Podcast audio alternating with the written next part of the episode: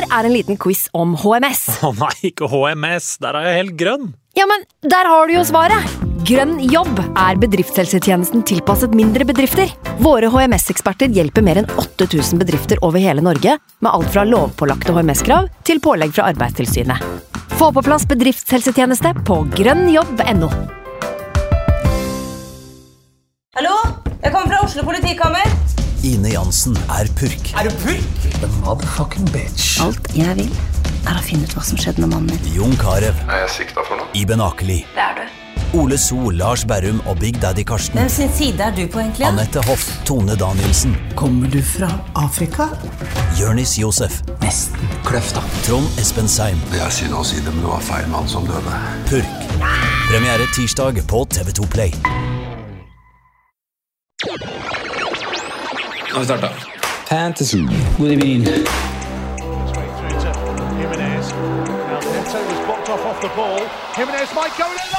God evening.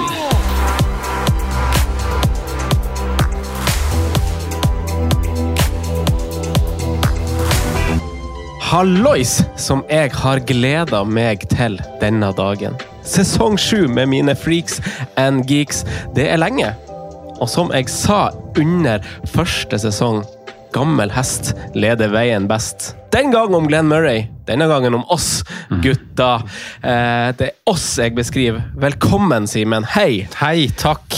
Avspark. Ja, Gira. jeg syns det, er- jeg det er stort å bli sammenligna, selvsagt som en treenighet, da, men med Glenn Murray. Jeg synes det, Den henger høyt, den, altså. Sitt som et eh, skudd. Ja. Ja, ja, ja, ja. Eh, det er ikke Glenn Murray vi skal snakke om i dag, men velkommen også, Sondre. Tusen Vanlig hjertelig trio. takk. Sesong sju. Minnene ruller over Snapchat eh, av, av eh, identiske dager i ulike rom, men nå sitter vi altså i eh, TV2, TV2 sitt møterom. TV2 sitt stolerom. Ja. Eh, Senkveld, tror jeg faktisk et rom her etter. det er kanskje det.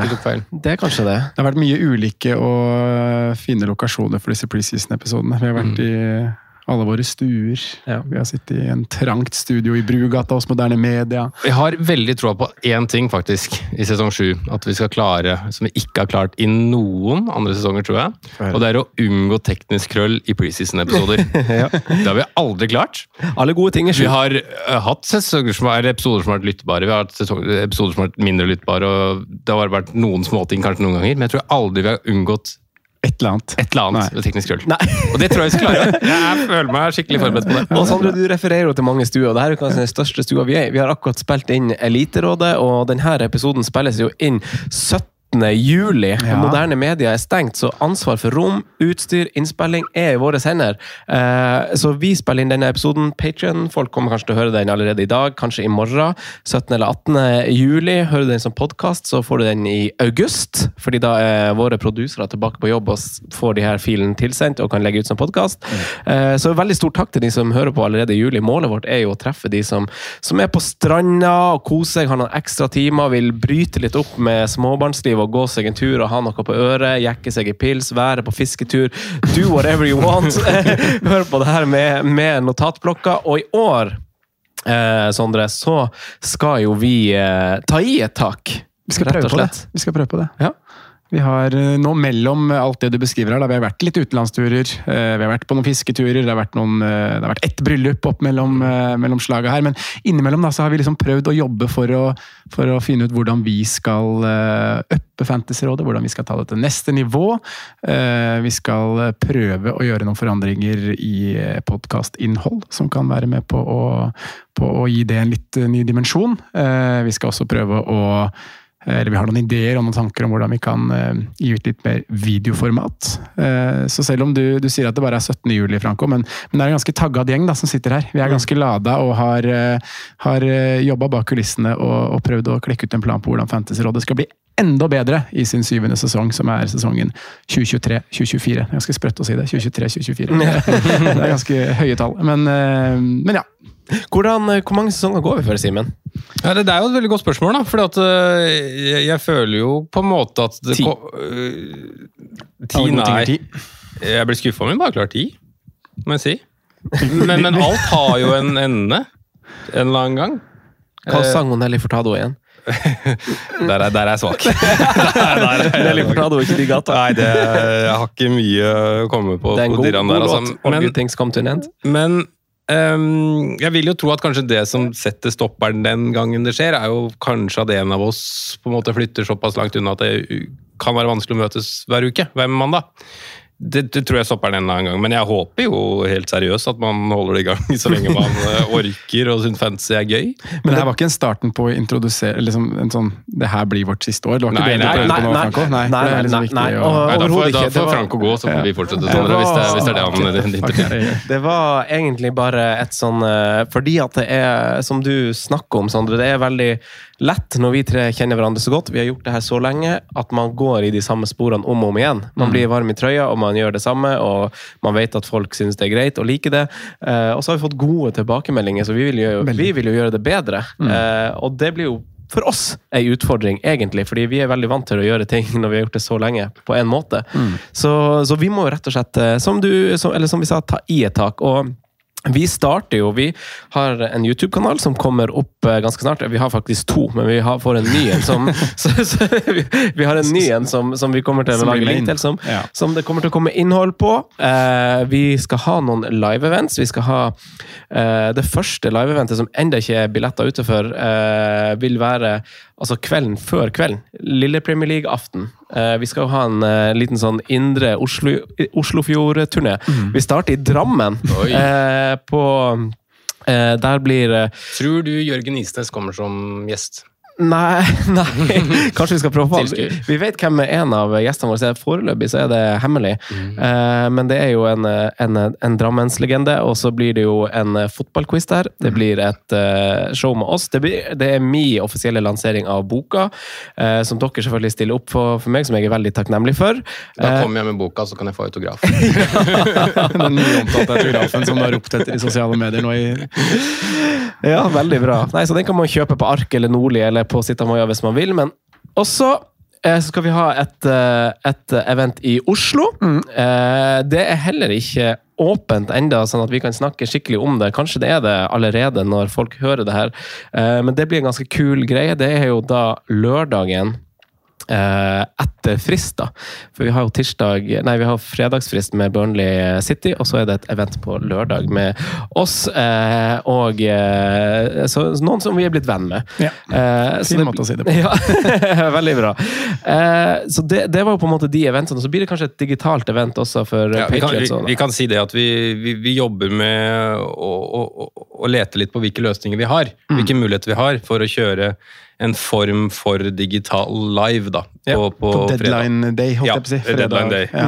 Eh, I forhold til spillet, Game Week 1. ja, Hold av Eh, timene i forkant. Ja, og så Det regner vi med folk gjør uansett. Så finner er vi ut hvordan løsningen blir senere. Ja. Eh, Sondre, ligaen er selvfølgelig oppe og går. Eh, gjerne er bare del ligakoden, så folk har den på øret litt sånn sakte. Og Så så, da må du si den sakte. Ja. Eller så kan folk nå, før jeg begynner å prate, så kan man sette ned tempo på, på den appen du hører, hører podkast i. Så får man Går det på. Patreon nå? Det tror jeg ikke det gjør. Men eh, vi skal poste ligakoden. Eh, jeg Instagram, si Facebook og Twitter. postes på alle plattformer, og vi skal si den på YouTube-kanalen vår. når vi- TikTok ja. TikTok også, Følg oss på alle plasser. ja, vi er overalt. Men koden er altså Er vi på TikTok? Det er vi jo. Du er på det. L4RO. Jeg klarte å si det, men Simen klarte ikke å ikke avbryte, så jeg prøver en gang til. 07L4RO. Og den ligger altså ute på alle plattformer. Vi har en video av at Simen eh, leser den opp på TikTok, så klikk deg inn der du har lyst til å se den. Eh, som vanlig så har vi eh, fordelt lag og delegert ansvar. Hvis du er ny lytter av Fancyrådet sine preseason-episoder, så er det her episoder vi har brukt eh, Jeg brukte tre timer i går på å gjøre research til de to første episodene, eh, og det er litt sånn gangen i det. Det har vært vårt hjertebarn av episoder og innspilling hvor vi ikke har noe lengdebegrensninger og rush noe som helst. Vi skal gå gjennom materien ordentlig, og vi har selvfølgelig delegert ansvar, og alle har gjort sine hjemmelekser på sine respektive ansvarsområder. Eh, og det er jo for å hjelpe deg som lytter med både god underholdning, lærdom og ikke minst hjelp til å sette opp ditt fantasy-lag. Eh, Så, så er det, sånn, det er de første episodene her som er de som, det er de som bruker man mest tid på å forberede, fordi det er lag som er uh, nye og som kommer opp fra championship. Men det er også der man har liksom mest å lære, da. Man blir Ja, og så er troppene. det den episoden, føler jeg. Um, ut, uten unntak egentlig, eller de episodene, da, for det blir jo riktignok fire, Mm. men det er de episodene hvor man eh, angriper forberedelser på en annen måte, bare. Altså Man gjør det på helt annen måte. Man sitter ikke og ser på høydepunkter. Man, man Her, har du og- ikke sett alle skåringene til Luton jo, jo, jo, men man sitter, fra, man sitter ikke fra forrige runde. Og man sitter ikke og graver over helga. Man sitter liksom og tenker mer på en måte helhetlig. Eh, prosjekt, klubb, setter seg inn i overgangsvinduet. Mm. Stallen de faktisk har. eh, på en helt annen måte da, man, Det bryr man seg jo ikke på en måte om når vi er i runde fire, Mm. mellom runde fire og fem. Da bryr vi oss om Cavert Lewin så frisk ut forrige helga fordi han har en jævla fin kamp i runde fem. Det, er liksom, det er de tinga vi ser på der. da. Mm. Ja. Så, så man angriper det på en helt annen måte. da. Veldig gøy. Det var veldig lang den uh, videoen med alle skåringene til Burnley, for de har skåra mye mål. Eh, tar vi en liten pause, eller dundrer vi på?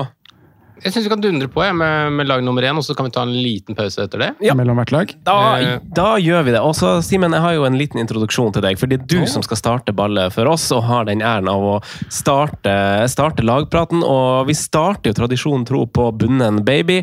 På en stadion med plass til knapt 10 000 personer, personer et sted mellom London og Simen Stamse Møllers Biggleswade, så finner vi Luton Town, som har sett kallenavn fra byens historie som hattemaking. Og så tar jeg alle notatene mine. her, Altså, sånn altså det her har du, har, Er alle notatene dine hentet fra Wikipedia?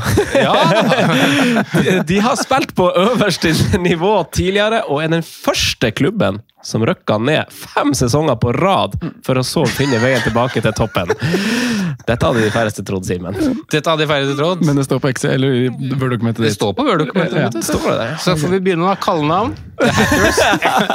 Nå kan du bare si troppen, så er vi gjennom Luton. The Hatters pga. hatteproduksjon på 1600-tallet. Ja. Mm. Og så er det jo den stadion som du nevnte, som har plass til sånn rett i overkant av eh, 10 000 tilskuere. Det er veldig fascinerende å se bildene fra den ene sida, hvor det, du ser faktisk ut som du går inn i ei blokk i et Ja. hvilket som helst nabolag, og det du kommer ut på andre siden, det er en fotballstadion. Um, og, og dette her er jo også noe som på en måte er en tematikk nå til dags, fordi at uh, det er jo krav fra Premier League om at denne stadion må i bedre stand. Det er jo grunnen til at kampen i runde to er uh, no, i dag bekrefta. Eh, blir en blank. Uh, og det er også problematisk i forhold til, til Luton, fordi at um, det som kunne vært prioritert, Eh, altså da spillekjøp, eh, overganger, kanskje noen lønnsposer. eh, En del av den summen der går rett og slett i stadion. Eh, og det er jo på en måte naturlig for, for små klubber når man går opp også, men eh, det er jo ekstra tøft når du skal opp på det øverste nivå- nivået i England, og så har du ikke Så må du prioritere annerledes økonomisk, da, for det er ikke noen rike onkler og eh, det, er ikke noe, det er ikke noe Wolverhampton som rykker opp, for å si det på den måten. Da. Det, det, er, det er tøffere kår. Um, som du sier, 50 km nord for London. Uh, jeg hadde ikke notert at det var midt imellom Simen Stamse Møllers sitt, uh, sitt englandseventyr, men, uh, men riktignok, for å sette det litt på kartet, da, så vet man hvor det er. Store, um, store rivaler til Watford. Uh, er greit å notere seg, og, og treneren jeg, jeg kjørte jo en sånn lang jeg vet ikke om du husker det på, på Fullheim i fjor, så vinkla jeg det jo veldig mot eh, kom jeg, fikk jeg jo i brain freeze på, på godeste portugiseren der, da, eh, som trener i Fullheim. Men jeg vinkla det veldig på treneren der i, der i fjor, Marco Silva. Takk. Uh, og, og Rob Edwards òg er jo en ung trener. Han har en uh, karriere hvor han har spilt aller mest fotball i, i championship. Um, åtte kamper i Premier League, så det, han har vært på det øverste nivået, han også. Han har vært interim for nettopp uh, Wolverhampton. Um, uh, og han har um, Tidligere trenerkarrieren er ganske tynn. Han har trent Telford, han har trent England U16, han har trent Forest Green Rovers, og han varte ti kamper i Watford i fjor. Og, og denne mannen her tok jo over Vi husker jo det at Southampton fikk seg en ny trener i ca. juletider i fjor, litt før det, med Nat Jones. Han tok jo over for Nat Jones, og på den tiden eh, hvor um, Luton var da, da, så var de på, på eh, ca. sånn 10.-11.-plass. Hadde fortsatt gjort det litt sånn nesten over forventning da, men eh, at de ble, de ble jo bare enda bedre med, med godeste Rob, Rob Edwards. Jeg har helt konkrete tall her. De lå på 12.-plass etter 21 serierunder med 31 poeng på 21 kamper med Nat Jones. Et poengsnitt på 1,47, som er ganske bra. Eh, ingen som hadde trodd at Luton skulle rykke opp, så det var liksom en helt grei tabellplassering. Og, Nat Jones ble jo rett og slett henta fordi han gjorde en god jobb i Luton. Eh, Det var liksom scenarioet. Og så kommer Edwards inn og, og tar med seg 50 poeng på de resterende 25 kampene. Inkludert det at han dro laget gjennom en playoff-seier, playoff som er på tre kamper, mot mm. uh, henholdsvis um, Sunderland og Coventry. Um, to poeng i snitt, og nummer tre på tabellen ble fasit. Så um, det er jo interessant at det er jo en en spiller som ikke jeg nødvendigvis kjenner så veldig godt, men jeg antar at de som følger eh, championship, engelsk fotball, de som sitter eh, spesielt de engelske skribentene, de der, de kjenner jo til navnet ganske godt. Eh, og så har han en ung trenerkarriere, eh, men virker som en relativt spennende manager. og at han ikke var sånn eh, at han måtte på en måte snu om alt som var gjort i Luton. Han fortsatte på den 3-5-2-en som vi kjente fra Nat Jones når Elionossi fikk noen nye roller der. Eh, løpte som en gal på Anfield, husker jeg, når første kampen til Nat Jones. Um, men det er 3-5-2, det er tight, det er mye lange baller, det er mye innlegg. Um, kan være ekstremt kyniske, spesielt hjemme, og det ser du veldig på, på resultatene. Veldig mange av seierne til Luton er 1-0. Mm. Mm. Og det er litt sånn der, Når de først har fått kampen inn i sitt spor, så, så låser man av og, og bruker alle triks i, i boka. Og jeg husker ikke navnet, men jeg hørte på en liten eh, podkast fra en Luton-supporter som prøvde å forklare laget sitt, da, hva de gjorde og, og, sånne ting. Og det var jo liksom øh, Eneste sjansen de har, ifølge han, for å klare seg i Premier League, det er øh, Kenville, Kenville Worth Road, nei. Uh, altså hjemmestadion. Ja, Fordi at den er tight, det er en helt spesiell atmosfære der, beskrives det. Og det er sånn, det er sånn som gamle på en måte Upton Park. da at du kan, du kan ta på spillerne. At det er liksom litt sånn guffent å være der, rett og slett. Mm. For vi har jo, vi har jo stadion i, i, Premier League som er så, kall det liten, da, eh, i, i Bournemouth sin. Men den føler ikke jeg på samme måte er like tight, selv om den også er veldig tight, den òg, da. Men at det blir kanskje en litt annen type heksegryte her, da. Mm. Det, det, der er litt interessant. Bare, jeg har ikke tatt masse notater på Luton, men jeg liker å se på hjemme- og bortetabell. De, de, de, ja, du kommer til det? Ja, ja, ja. men bare, bare dra gjennom det du hadde tenkt. Nei, nei, nei, fordi det var bare det passa inn. Jeg så bare, de, er jo, de er jo på niendeplass på hjemmetabellen på, i championship. og kun 31 mål skåret. Mm. Uh, så det er, jo, det er, jo, nesten egentlig bekymringsverdig. Ja, og det, det, det jeg skulle liksom komme til på kontraen etterpå, for det, det, det sier han på en måte den største kall det håpet deres. da. At de skal vinne hjemmekampene. Er hjemme, men hvis man ser basert på fjoråret, så er jo ikke det en, en helt sannhet. Og så er det litt vanskelig å se det over en sesong også, fordi det vi har nevnt, da, at det er to trenere som egentlig eh, Det er jo først og fremst Edward som skal ha æren når man ser på rene tall for opprykket. Men Nat Jones har jo vært treneren halve sesongen. Mm. Og, og, selv om på en måte ikke grunnlaget lå der, så har faktisk han tatt en del av de poengene, han òg. Så begge to skal jo ha æren for det. Og Da er det også vanskelig å se på Skal man da se på hjemmetabellen for hele sesongen? Mm. Skal man da se på bortetabellen for hele sesongen? Altså Hva er på en måte relevant, hva er ikke relevant? Um, så, så, så, det er jo noen, noen sånne ting, da. Men, men 80 poeng, um, 57 skårede mål og 39 eh, imot på 46 kamper, det, det sier en del det sier en del om at det er et lag som er involvert i lite. Mm. Det er ikke Jeg tipper vi får den største kontrasten eh, når Sondre skal gå gjennom Burnley. Eh, I forhold til liksom hvordan lag vi kanskje ser for oss, da. Men det er et lag som vi kommer til å se for oss som kommer til å, kommer til å gå for 0-0. Ja. Eh, i veldig mange kamper. De kommer til å gå for 1-0 i et par hjemmekamper, og så kommer det til å jobbes som, eh, som hakka møkk baki der, og unngå liksom baklengs. Mm. Og så er det de der trekkene da, som man ser i, i spillestil, hvordan målene kommer på og sånne ting.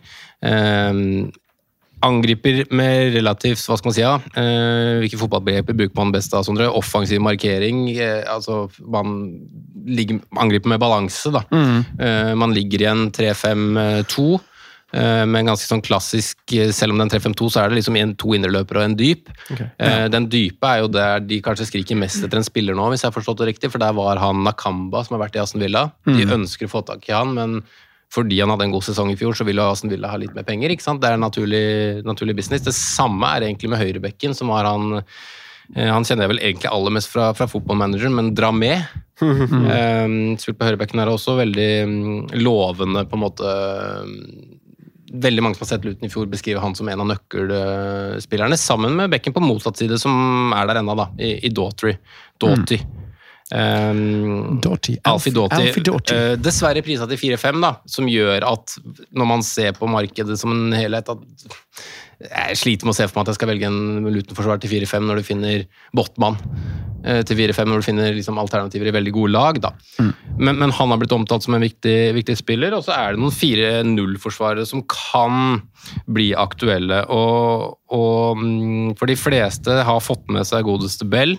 De har bare, de har bare tre forsvarere som heter 4-5, har de ikke det? Eh, det er stemmer. Og, og, de spiller jo, og de spiller jo med fem. Eh, og de har også kjøpt inn en eh, Når jeg ser forventede lagoppstillinger, så ser jeg ikke i han i så mange, men det sliter jeg litt med å forstå. Han ble kjøpt fra Barnsley, har fått masse skryt, han ble kom billig eh, i godeste Andersen. Og når man liksom vet at de har lite midler, at de kanskje, kanskje ikke kommer til å prioritere så mye annet enn å kjøpe en ny høyre wingback da, i det bakre leddet, så sliter jeg litt med å se for meg at han ikke kommer til å spille en del. Han har kjøpt inn, slik jeg tolker det, så han har kjøpt inn for å liksom være med og bidra. Så, så det, er to, det er to potensielle mm, eh, Egentlig tre potensielle 4-0-forsvarere i, i det laget, og det er Burke, Bell og An- An- Andersen. Så vi se preseason, når kampene er spilt, hvem som faktisk får minutter her. Eh, men det virker som de som kjenner Luton best, de som har eh, fulgt med mest, at det er godeste Bell som er nærmest og kanskje den sikreste av de, da. Eh, Spilte 44 av i 44 i fjor. ja, eh, og, det går det på. Og så er det altså den, de sikreste i, i laget, hvis man driter i prisene og bare tenker på det, så er det han um, Lockyer, Tom Lockyer, som og visstnok også er kaptein, om ikke det tar helt feil. Eh, og du har han Doughty, som er viktig for på en måte hvordan de spiller fotball.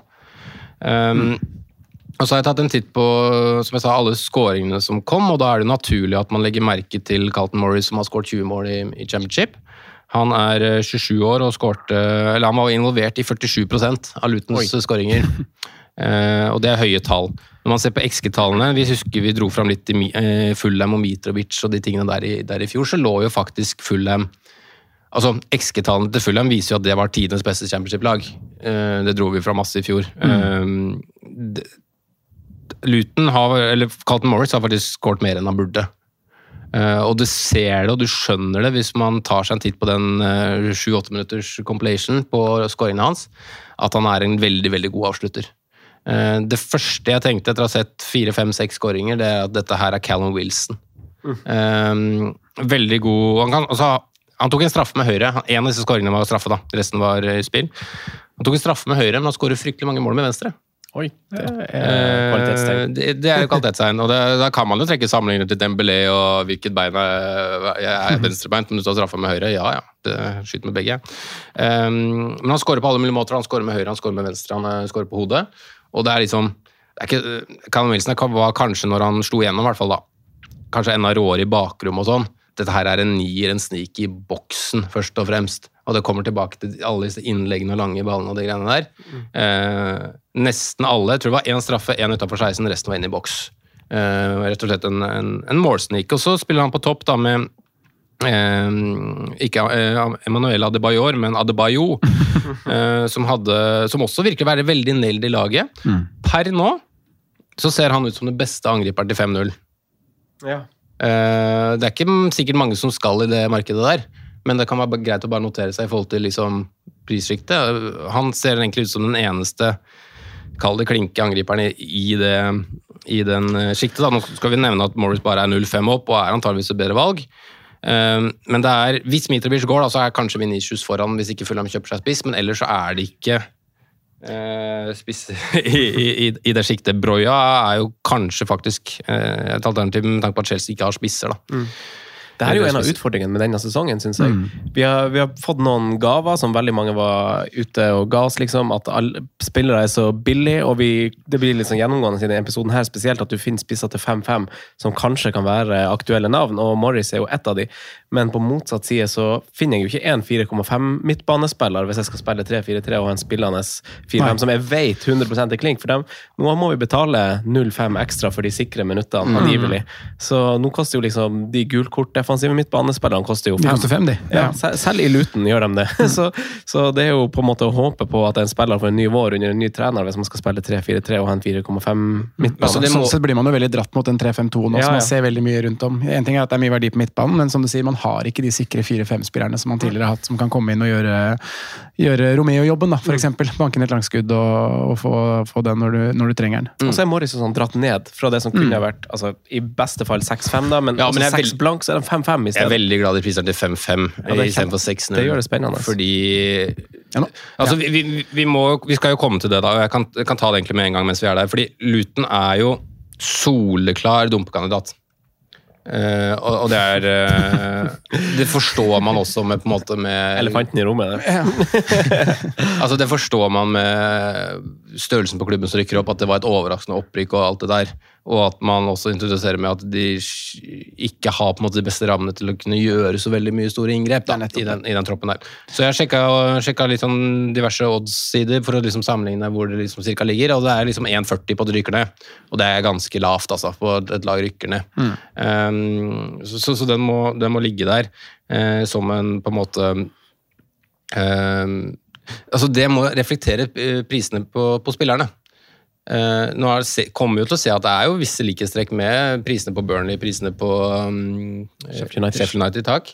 Uh, men men må, altså de må jo være billigere. fordi at det skal jo Ok, du skal prise potensial og alt det der, men du må jo også, pris, du må jo også gi en bonus til de som faktisk tar sjansen da, på å gå en Morris eh, og spare en million fra en 6-5-spiss. Så må jo han på en måte være billigere. Det må jo være en gulrot der. Um, så, så av reelle, av reelle fantasy assets så har jeg ikke lista opp så mange flere enn eh, potensielle 4-0-spillerne bak. Uh, Doughty har jeg notert, men jeg har jo også argumentert for at uh, jeg tviler på at veldig mange går den veien her når de finner alternativer i andre klubber. Og så er det jo de på to på topp i forhold til sin prisklasse, da. Og så er det noen nye navn inn, eh, ikke veldig mange. Uh, Jeg nevnte jo Andersen i bak. Jeg har kommet inn for ca. 2 millioner euro fra mm, Barnsley. Eh, og så hadde jeg notert eh, et eller annet sted, men jeg fant ikke tilbake. Men det henta han Tahit Chong, som sikkert mange kjenner igjen som er United-sportere. Eh, en ganske frekk hårsveis. Veldig frekk hårsveis. Eh, han er eh, hentet fra Birmingham, om jeg ikke husker helt feil. Eh, kan spille begge kanter, men primært høyre kant. Eh, gått gjennom tallene hans. Eh, ikke veldig sånn eh, han skal jeg ha på laget mitt-tall, men eh, 13 målpoeng på ca. 60 kamper i championship er ok. Men det avhenger jo helt liksom av formasjon og lag og form og alt det der også. Så har de hentet en på free transfer fra Rotterham. Eh, Ogbene. Shiedozi Ogbene, 26 år, med erfaring fra League One, Championship, øverste nivå Irland, 15 landskamp for Irland. Eh, også hovedsakelig høyrekant. Så ja, tydeligvis liksom eh, De spilte jo egentlig uten kanter i fjor, så er det spennende å se hvordan de skal på en måte få disse spillerne inn. Og så er det godeste Mats Andersen da, bak, med, med 100 kamper for, for Barnsley Championship. Og ikke, riktignok ikke kriget seg inn i landslagsdiskusjonen uh, hos Danmark, men de har jo faktisk ganske bra med stoppere. Ja. Uh, men 1,95 høy uh, danske som skal inn der og, og, og være en jævel å møte, tenker jeg, rett og slett. Eh, så det, jeg tror det er det meste jeg har fra, fra Luton per nå, eh, med unntak av at eh, Franco tok en av para fun factsa i starten. da. Men de har jo ikke vært i Premier League før, for de rykka jo ned året før det ble Premier League.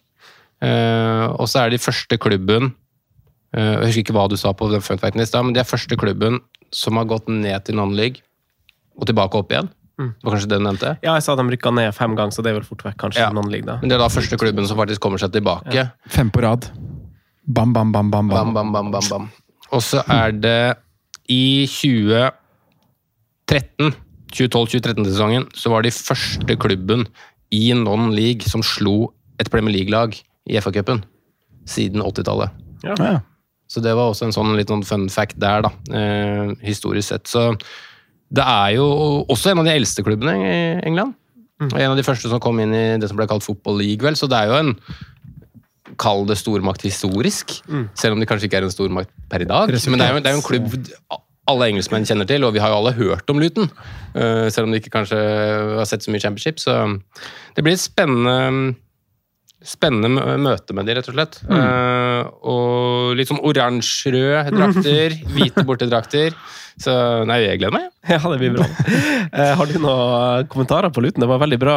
En veldig god start. Veldig god start. dypdykk i Et, et eh, godt dypdykk. Og det er jo som Simen sier, et, et lag som jeg gleder meg veldig til å bli kjent med. Det er det som er gøy med å, å følge Premier League og, og få opp sånne type klubber som det her. da. Og så er det gøy at det kommer opp et lag som som ikke har de økonomiske ressursene i ryggen. Som viser at det fortsatt går an. da. Vi kan klare å spille Premier League på, på den måten. Og jeg tror det å reise på bortekamp på Luton i år, det, må være, det kommer til å bli en sinnssykt kul opplevelse Mm. for alle de supporterne som, som gjør det, og for spillerne som liksom skal ja, Si du er City-spiller, så skal du plutselig komme til Luton eh, og spille der foran 10 000 tilskuere. og Det blir vanskelig for bortsupporter nå. For det er, Hvis det er 10 000 på stadion, hvor mange er det på bortefeltet da? Hvor mange 500 minutter har maks? det? Ikke sant? Ja, det, de- det blir en helt egen opplevelse. Ja, jeg tenker bare liksom, hvordan fasilitetene er da når du kommer inn i garderobene og Ja. tunnelen. og det må, altså Sammenlignet med Etihad, eksempel, så er det dag og natt. Altså Alle må søke Jeg tror det het Oak End. det. Um, og så bare se liksom det bildet. For det, altså Du går inn i ei blokk. I en sånn altså, lavblokk, sånn der murhus som er vanlig. Det ser ut som det er sånn typisk engelsk boligfelt, Ja. egentlig. Og så går du rett inn, så er det liksom stadion på andre sida. det er absurd. Jeg, noterte meg ett uh, Ref Fantasy igjen. da. Noterte meg ett navn uh, da jeg skulle lete, liksom, apropos 352, som du er inne på, Sondre.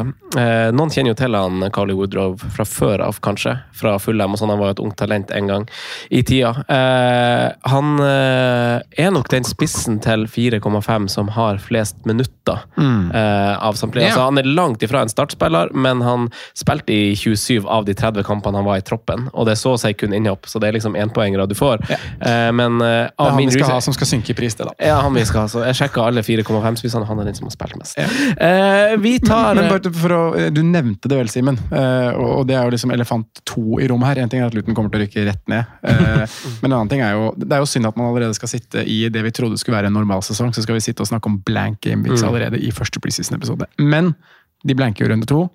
eh, og det gjør jo på en måte Det gjør det ikke uaktuelt å ha med Bell fra start. Men jeg skal jo være der og si at jeg, jeg, jeg så jo på en løsning å ha med Bell som en rotasjonsspiller Mm. som kunne spille i runde to. For det var jo en, en kamp som var på hjemmebane og sånne type ting. Vi får se Men, når den eh, kommer inn, da. ja. Og så kommer den inn tidlig, så kan det være aktuelt å kanskje ta den på det tidlige wildcardet. bare For å få en, for det blir jo en dobbel med Burnley hjemme. Det gjør det. Og selv om jeg vil anse Burnley som favoritt, da. Carlton Morris og Weghorst på topp der. det er bra, det. Er vi på kaptein, eh, kapteinkjøret, da? Nei, men Skal vi ta oss en, en liten pause der, og så går vi i gang med Sheffield United? om få straks. La oss gjøre det. Der er vi tilbake fra en liten pust i bakken, og det er min tur. Jeg skal ta for meg Sheffield United. Eh, laget vi ikke får lov, Simen, å kalle for Sheffield. Eh, det blir bot. Jeg, jeg, jeg, jeg kommer til å levere en del penger i den botkassa der. Ja. Altså, Hva legger vi satsen på der? Ja, det blir som å sitte og si Manchester. eh, hvis vi fikk, vi fikk jo eh, kan jeg si Man U? Man skal, Ja. man, man skal jo ikke si United heller.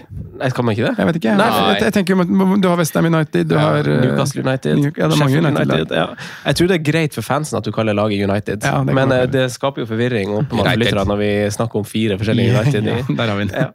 Hva, Eh, legger vi, hva legger vi satsen på for å, for å si Sheffield i år? Ja, eh, satsen må bli Altså, jeg kommer til å si det så mange ganger, da, så sa 50, da. men, hvor, ja, men hvor ofte kommer de til å være et tema, da? Eh, jo nei, men vi kan ta 50 kroner. 50 Hvis, det, kroner. hvis det baller på seg, så, så gjør det kanskje det. uh, Sheffield United, eh, jeg er glad for at du ga meg ansvaret, Sander, for det var du som fordelte det i år. Uh, en favoritt gjennom FM blitt for meg. Pleide å, det pleide liksom å være min lower league-favoritt back in the day. Godt lag i League One. Eh, med Billy Sharp og Nick Montgomery og sånn, men det begynner å bli en stund siden. Eh, og det begynner også å bli en stund siden lord Lundstrøm eh, var med. Eh, og det har vært relativt tyst på overgangsmarkedet også i Sheffield United. De har signert én midtbanespiller, og han kom fra Brøndby og heter Slimane. Og de har gitt slipp egentlig først og fremst på en rekke meritterte spillere som husker veldig godt fra deres forrige besøk i storstua. Eh, Jeg har lest rykter om eh, intern trøbbel, eiere, økonomi osv. som stikker litt kjepper i hjulene på overgangskjerra. Men i stedet for å snakke om det de ikke har, det de ikke har fått, det de hypotetisk kommer til å få, så kan vi heller snakke om hva de faktisk har, og hva de har fått til under Hackingbottom, som nå er trener som noen kanskje husker fra Sheffield United, eller tida han var i Leeds tilbake i 2018.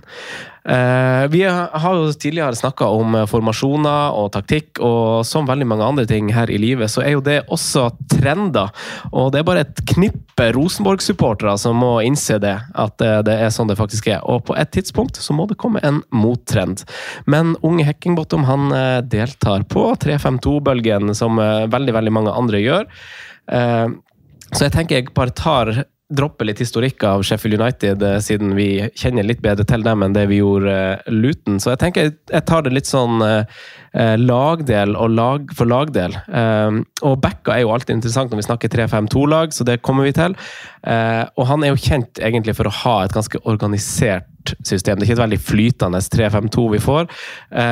ganske liksom, tydelige roller spillerne får, litt sånn som noen spillere trenger, og noen ikke er så glad i. Her er det tydelige roller og føringer, og det er jo et lag som eh, de skårte tredje mest mål med sine 73 skåringer sesongen eh, som gikk, som, som er decent. Eh, keeper Fotheringham, han er god. Ikke noe spesielt og mer å nevne der, og vi kan bare ta brodden fra det. Det er ikke et valg for oss. Og I motsetning til Luton eksempel, så var jo Sheffield United relativt stabilt god borte så vel som hjemme. Og så, så, det er ingenting spesielt liksom, å rette søkelyset mot når du skal se til Sheffield United. sånn sett. Uh, fra forrige gang så er trioen bak ganske fornya. Det er kun uh, Igen som består fra forrige gang de var i Premier League, og han spilte da 45 av 46 kamper sesongen som gikk.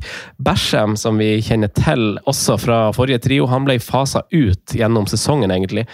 Uh, og for de som kjenner til Liverpool, uh, som deg, Simen, så er det jo Jack Robinson som er blitt omskolert som en slags venstre stopper der, og ikke lenger venstre back. Uh, det er likevel den tredje stopperen som er verdt å nevne, og det er en spiller som er svensk-bosnisk, og han er født et helt annet sted. Så det er veldig sånn der, hvis du ser på han på, på Wikipedia, så er det litt artig. Han heter Anel Ahmed Hodzic. Eh, Svensk-bosnisk. Eh, vokste opp i Malmö, i hvert fall. Og på sine 36 kamper eh, skårte han seks mål og assisterte to. Eh, han får dessverre en del gule kort, men han har ei veldig høy stjerne i Sheffield United. Og for dem som følger championship, vil gjerne fortelle deg at eh, han her spås en lysende karriere som en ballspillende og en eh, rå midtstopper. Så eh, han er nok muligens en av Sheffield Uniteds viktigste spillere denne sesongen på sin stopperplass eh, pga. oppspill og typen som han er. Eh, så om du velger å si at seks skåringer og to målgivende på 36 er bra, ja, det er det jo faktisk, til å være stopper. Er det, det. Det, er egentlig eh, veldig bra. Eh, masse gule kort. Wingbackene, eh, Tommy Bergstrøm, en eh, knakende god fyr på Twitter, han nevnte George Baldock fordi han spilte forrige sesong ganske mye, og forrige gang han var i Premier League hele tida. Eh, eh, han uh, er 4-0, han òg. Og han spiller muligens, men det er Bogle som faktisk er en av de mest spennende høyrebackene i landet, som elsker å fostre opp en god høyreback for tida. Så mm. er Bogle han er fortsatt bare 21 år, plagdes veldig masse med skader, men ble jo henta da de fortsatt var et Premier League-lag, og er fortsatt spådd ei veldig, veldig god framtid. Eh, så han har jo stort sett spilt på vårparten, og han koster jo 4,5. Så man antar jo at han har eh, høyre wingback-plassen. Eh, men det er relativt få, få, målpoeng, faktisk, både på han og Low på motsatt side. Enda Stevens er også fasa ut, som vi kanskje husker spilte venstreback forrige gang. I midtbaneleddet så ønsker jo FPL, som eh, vi var inne på tidligere her, at vi betaler ekstra 0,5 for spillende midtbanespiller. Og den ene midtbanespilleren til 4,5 er ikke tiltenkt eh, startplass i Sheffield United, og alle andre koster faktisk 5. Eh, Norwood han spilte samtlige kamper, han. Sju målpoeng. Sander Berge hadde elleve målpoeng på sine 37, mens de to neste som gjelder minutter, i hvert fall, på midtbanen til Sheffield United, var jo leiesoldater fra Manchester City. Så man kan trygt si at det er et ganske stort, gapende hull i midtbanen til, eh, til Sheffield United, som per i dag er tynn som ei høvelflis. Eh, angrepet er jo spennende. Eh, faktisk. Eh, vi, de har gitt slipp på Billy Sharp, som har rykka opp med klubben eh, tre ganger. Han er gammel og grå nå, men en finflott fyr. Og det er først og fremst de eksotiske spillerne som er spennende. Både han stopperen vi var inne på, og da også på topp i NDI-et. Han er en 2000-modell som tidligere har spilt for det her laget. Rising Ballers. Oh yeah. Oh yeah. Rising Ballers. Eh, og han har som spiller egentlig en litt eh, interessant historikk. Vært litt i Frankrike, vært i Dakar, fulgt faren sin. Eh, og han spilte samtlige 46 kamper, han også. Skårte 14 og assisterte 11 Eh, Hvis dere googler navnet hans, så, så dukker det fort opp en sånn der, The Next Big Thing-type greie. For det er snakk om en ganske teknisk begava spiller som for oss som kommer til å se på, kommer til å kose oss med å se gode touch. En spiller som er god én mot én. Eh, ikke en typisk spiller man ser komme fra championship og skal spille og skåret, ha god historikk der. Eh, og man forventer at skal liksom levere varene i Premier League også. Dette er en spiller som mer har ferdigheter man skulle tro tilhørte et Premier League-lag. Eh, veldig god med ballen, og han har jo en makker som vi vi kjenner veldig godt. som, som, eh, som, vi for øvrig møtte på Justisen. Eh, RIP Justisen, men Ollie McBurney Han skilte med en god sesong, han også. Eller en decent sesong. 13 skåringer og to målgivende på 38. Uh, og det her er jo duoen som, som spiller på topp. Rian Brewster har vært masse skada, uh, så vi får se om det er det er duka for noe der, men det tviler jeg på. Uh, men NDI er helt klart til 5,5. Navnet vi skal notere oss sammen med Carlton Morris og navnet Sondre kommer til å dra opp senere som, som spennende.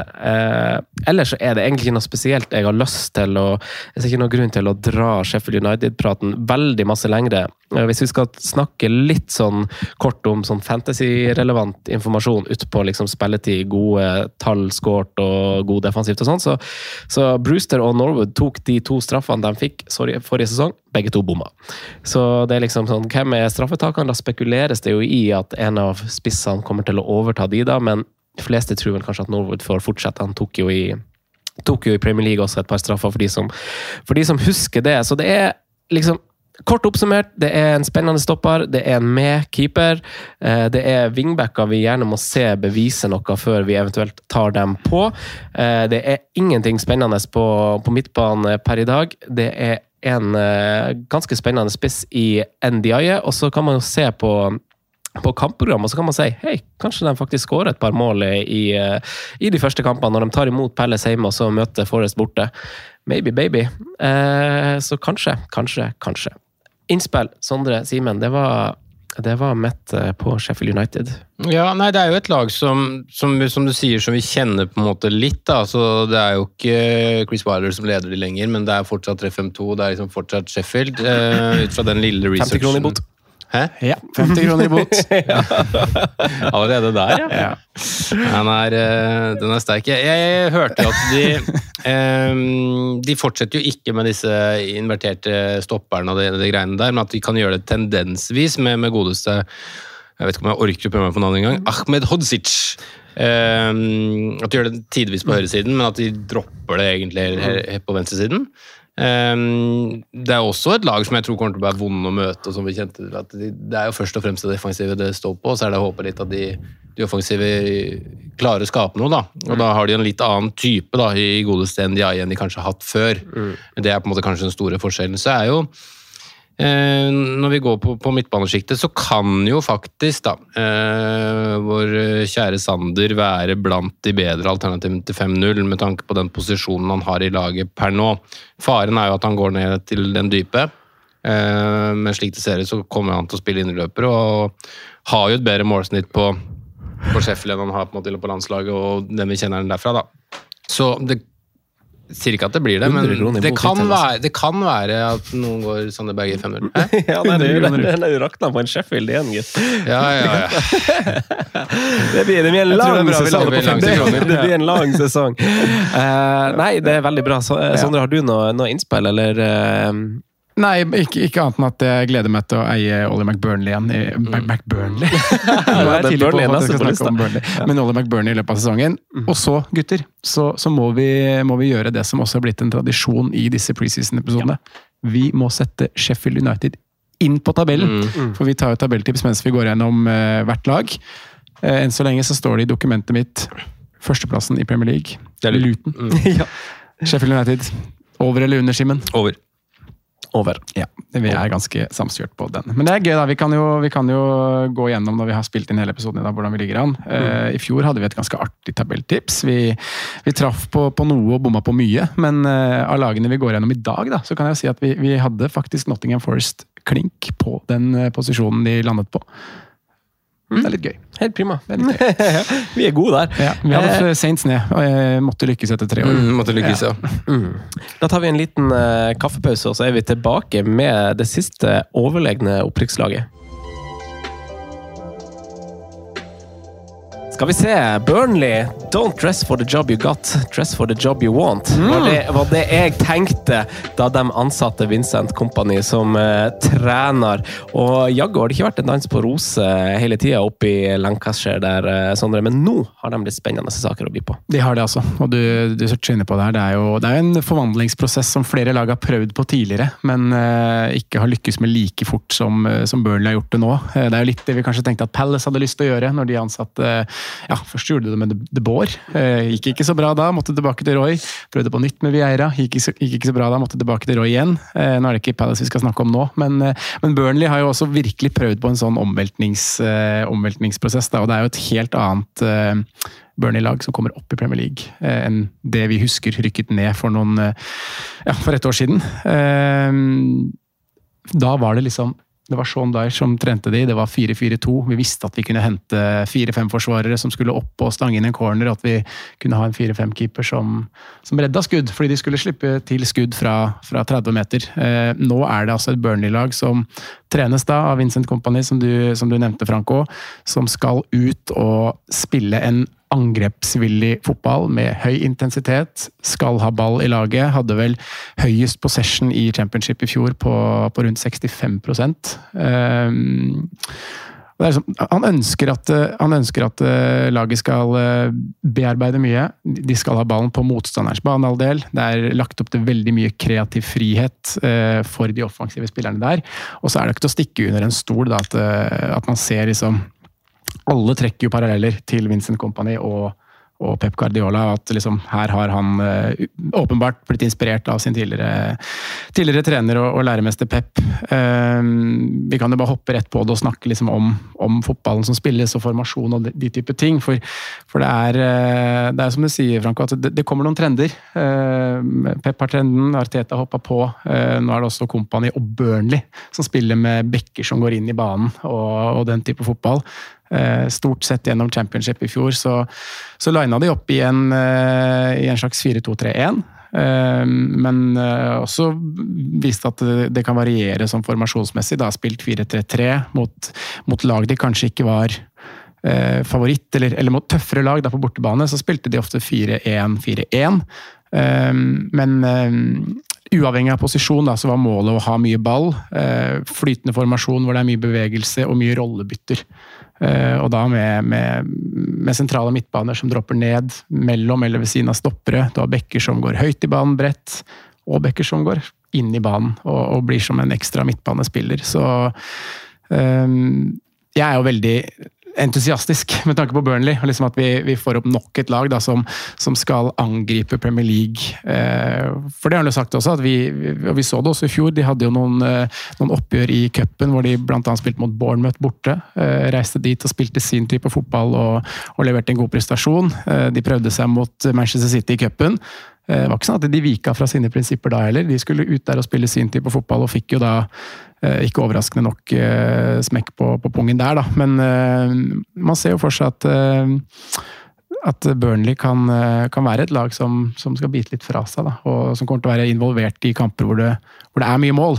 og det er jo sånn, Hvis man ser på championship-tabellen fra i fjor, så, så De skårte, skårte, vel ganske klart flest mål i ligaen. 87 skåringer utskårte XG-en sin ganske brutalt, hvis man ser på det.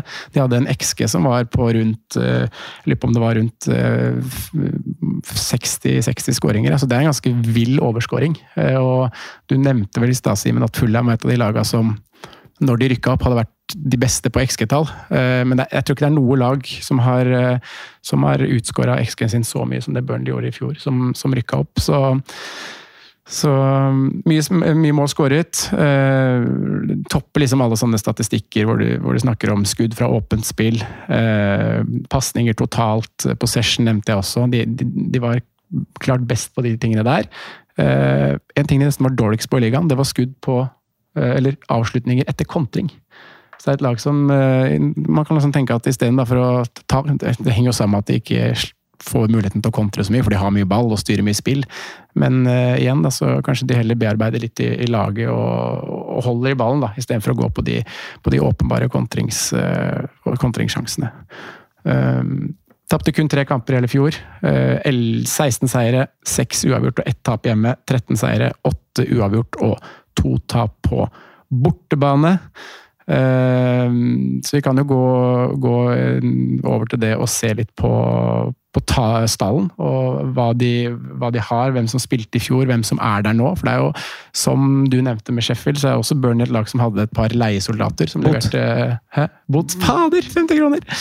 Uh, Sheffield United, som også hadde et par leiesoldater, da. Det, det var også greia i Burnley. Men uh, hvis vi starter bakerst, Muric, keeper, kjent fra fra Premier League-klubber tidligere. Han øh, sto alle kampene i fjor, men øh, keeperplassen er jo en av de, en av de plassene det har vært rykta litt øh, spillere til Chelsea. Nei, Chelsea, sier jeg. Burnley. Og en av de er James Trafford, keeper som leverte veldig godt under U21-mesterskapet nå i sommer for England. Ehm, det var liksom synd at den overgangen ikke var landa, eller at han ikke var inne på spillet, for det kunne jo også vært. Han er jo City-keeper og kunne vært lagt inn som en 4-0-keeper, men det var nok en ganske taktisk greie fra FBL der at de avventa den. da. Ehm, og vil nok nå komme inn som en 4-5-keeper hvis det blir overgang da, for, for hans del.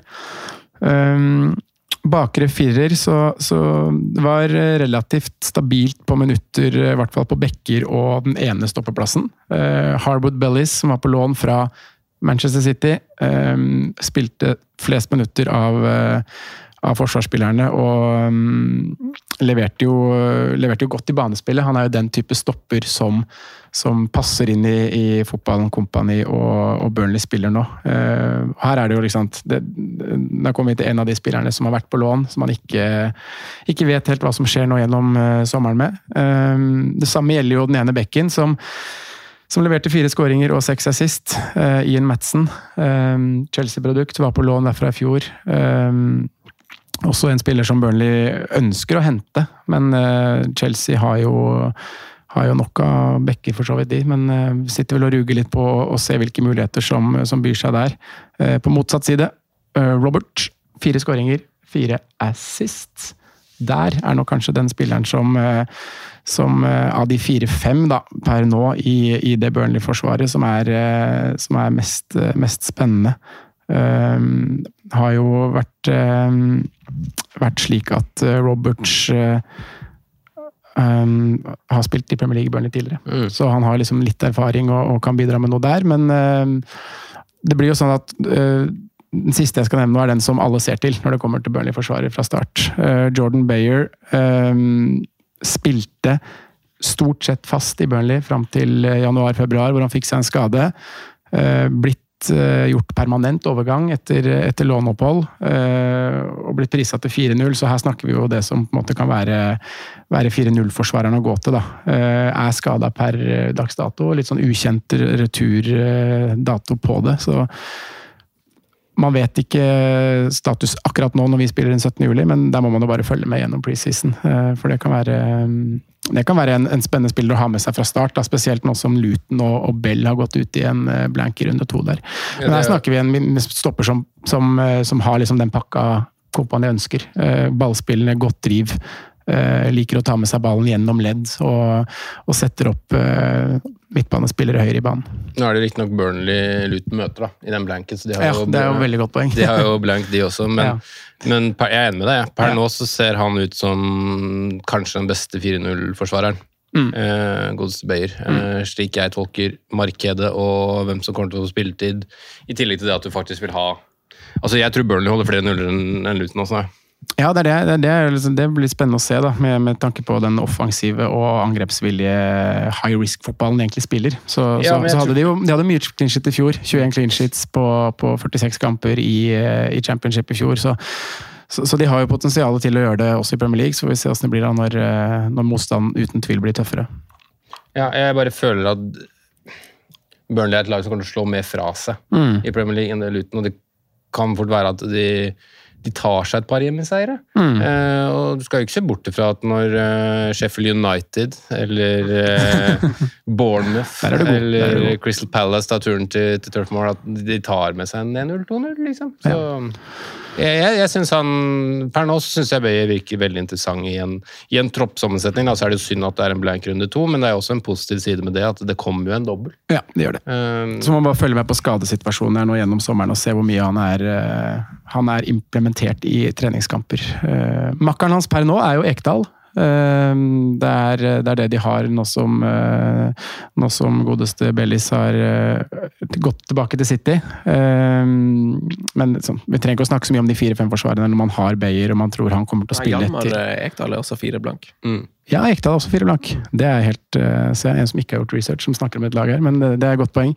Men, men man forventer jo at det skal komme inn en stopper til her, og være makker til, eh, til eh, en av de to. De har jo kjøpt Oshea, som man Mm. tror kommer kanskje foran uh, Hjalmar Ekdal i, i køen, slik jeg har forstått det i hvert fall. Ja. Men um, uh, vet ikke. Uh, må jo se preseason og må jo se skadesituasjonen til, til Bayer, men Og det er også en spiller som har masse Premier League-erfaring fra West Bromwich ja, tidligere. skal man tro på en måte hvor mye klubbene legger eh, penger på bordet, da. Mm. Skal, man, skal man bruke det, så tror jeg jo i hvert fall at Bayer er fast, Mm. og at Oshea er kjøpt inn for å egentlig spille. Ja. Hvis vi går over til, til midtbanen, så er det jo, som jeg nevnte, en, ofte to sittende og en, eh, en tier-variant de har kjørt nå i, eh, i championship. Um, også her er jo prisene litt som dere snakka om i stad. Man finner jo ikke en fire-fem eh, midtbane som er eh, som er noe å gå til. Eh, Men de to, to Joshene er jo de som har hatt flest minutter i championship. Eh, Josh Cullen og Josh Brownhill. Eh, Brownhill, mannen med flest minutter av alle i fjor. Syv skåringer, åtte assist. Tatt en del dødballer. Variert litt posisjon på banen. Hatt 22 kamper som én av to sittende, og 15 kamper som offensiv midtbane.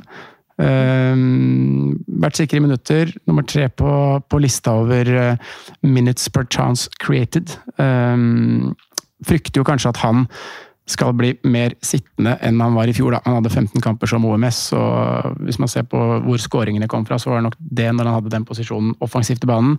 Eh, man tenker at han og Køllen skal bli de to som, som spiller dype, da, og at man enten ja, om man skal hente inn en ny tier, eller eh, hvordan man løser det der, det blir, det blir spennende å se. Men, men de to til fem blank er ja, Brownhill skiller seg ut som den som kanskje er mest attraktiv av de. Eh, åtte, eller syv skåringer, åtte assist. Det er ganske bra tall, det. Eh, I championship i fjor, eh, når han i dag tillegg er på dødballer, så så kan det i hvert fall være noe å, å følge litt med på, da, som opp mot Sander Berge, som du sier i stad, Simen. Eh, Jack Cork var også en som spilte mye i går, av nei, i fjor. En av to sittende. Ikke aktuell i, i fantasy-øyet men det er når man kommer til kantene og det offensive man, man potensielt kan, eh, kan finne noe gull da, i Burnley, med tanke på hvor mye mål de skåra, hvor mye sjanser de skapte i fjor.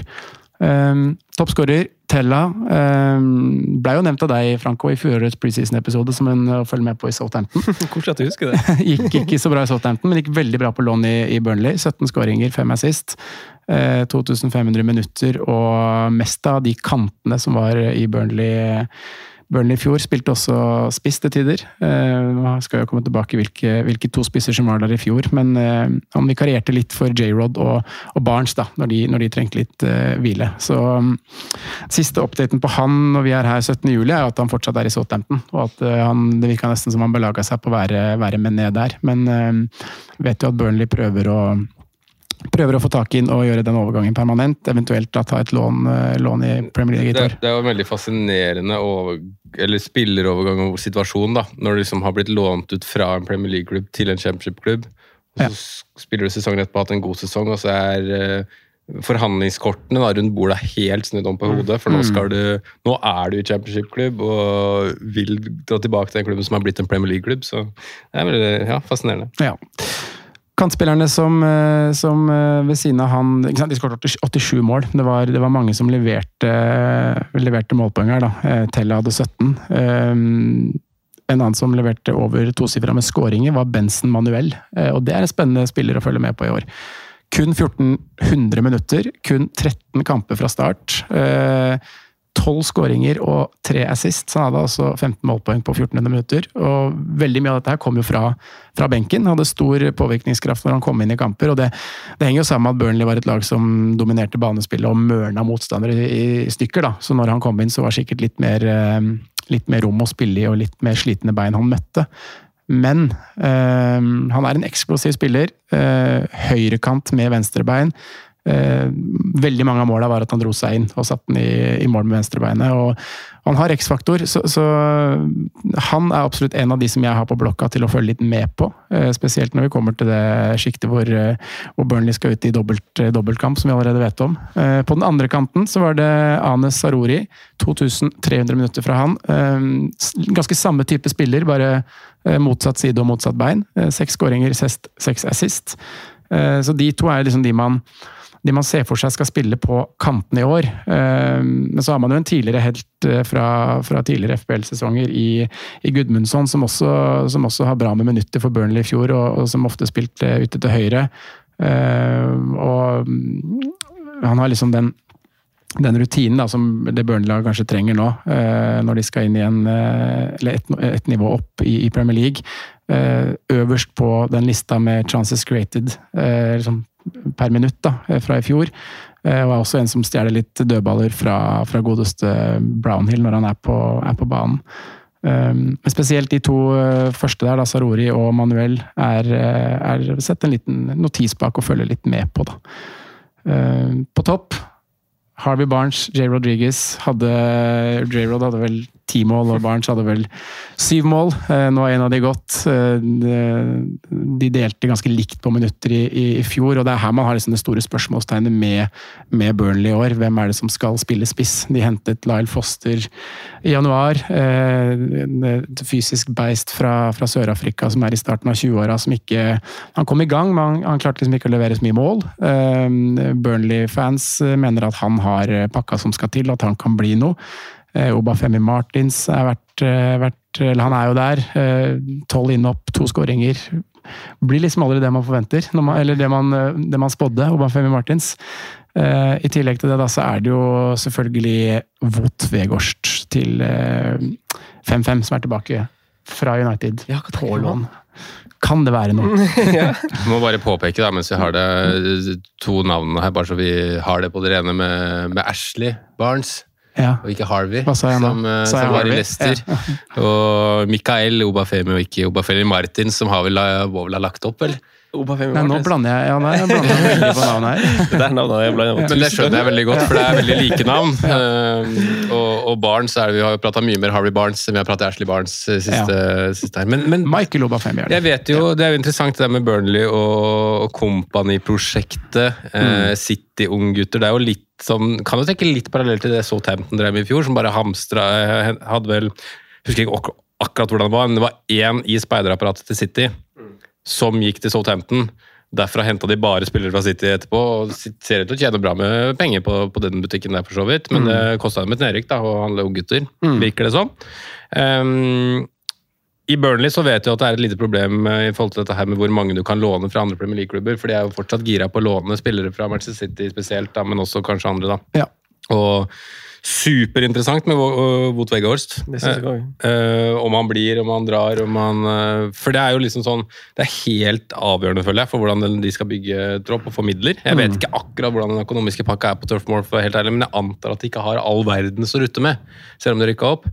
Og han er jo en spiller som er god nok mener jeg. Absolutt. I, i en, jeg, jeg, jeg, tror det er en spiller som kan passe veldig inn i den type fotball. Nå. Ja, for, for han kriger og styrer og ordner, han. han og En annen ting som var litt okay, interessant med, med, Burnley i fjor i championship, var at de, de, faktisk var eh, De var det laget som hadde flest skudd.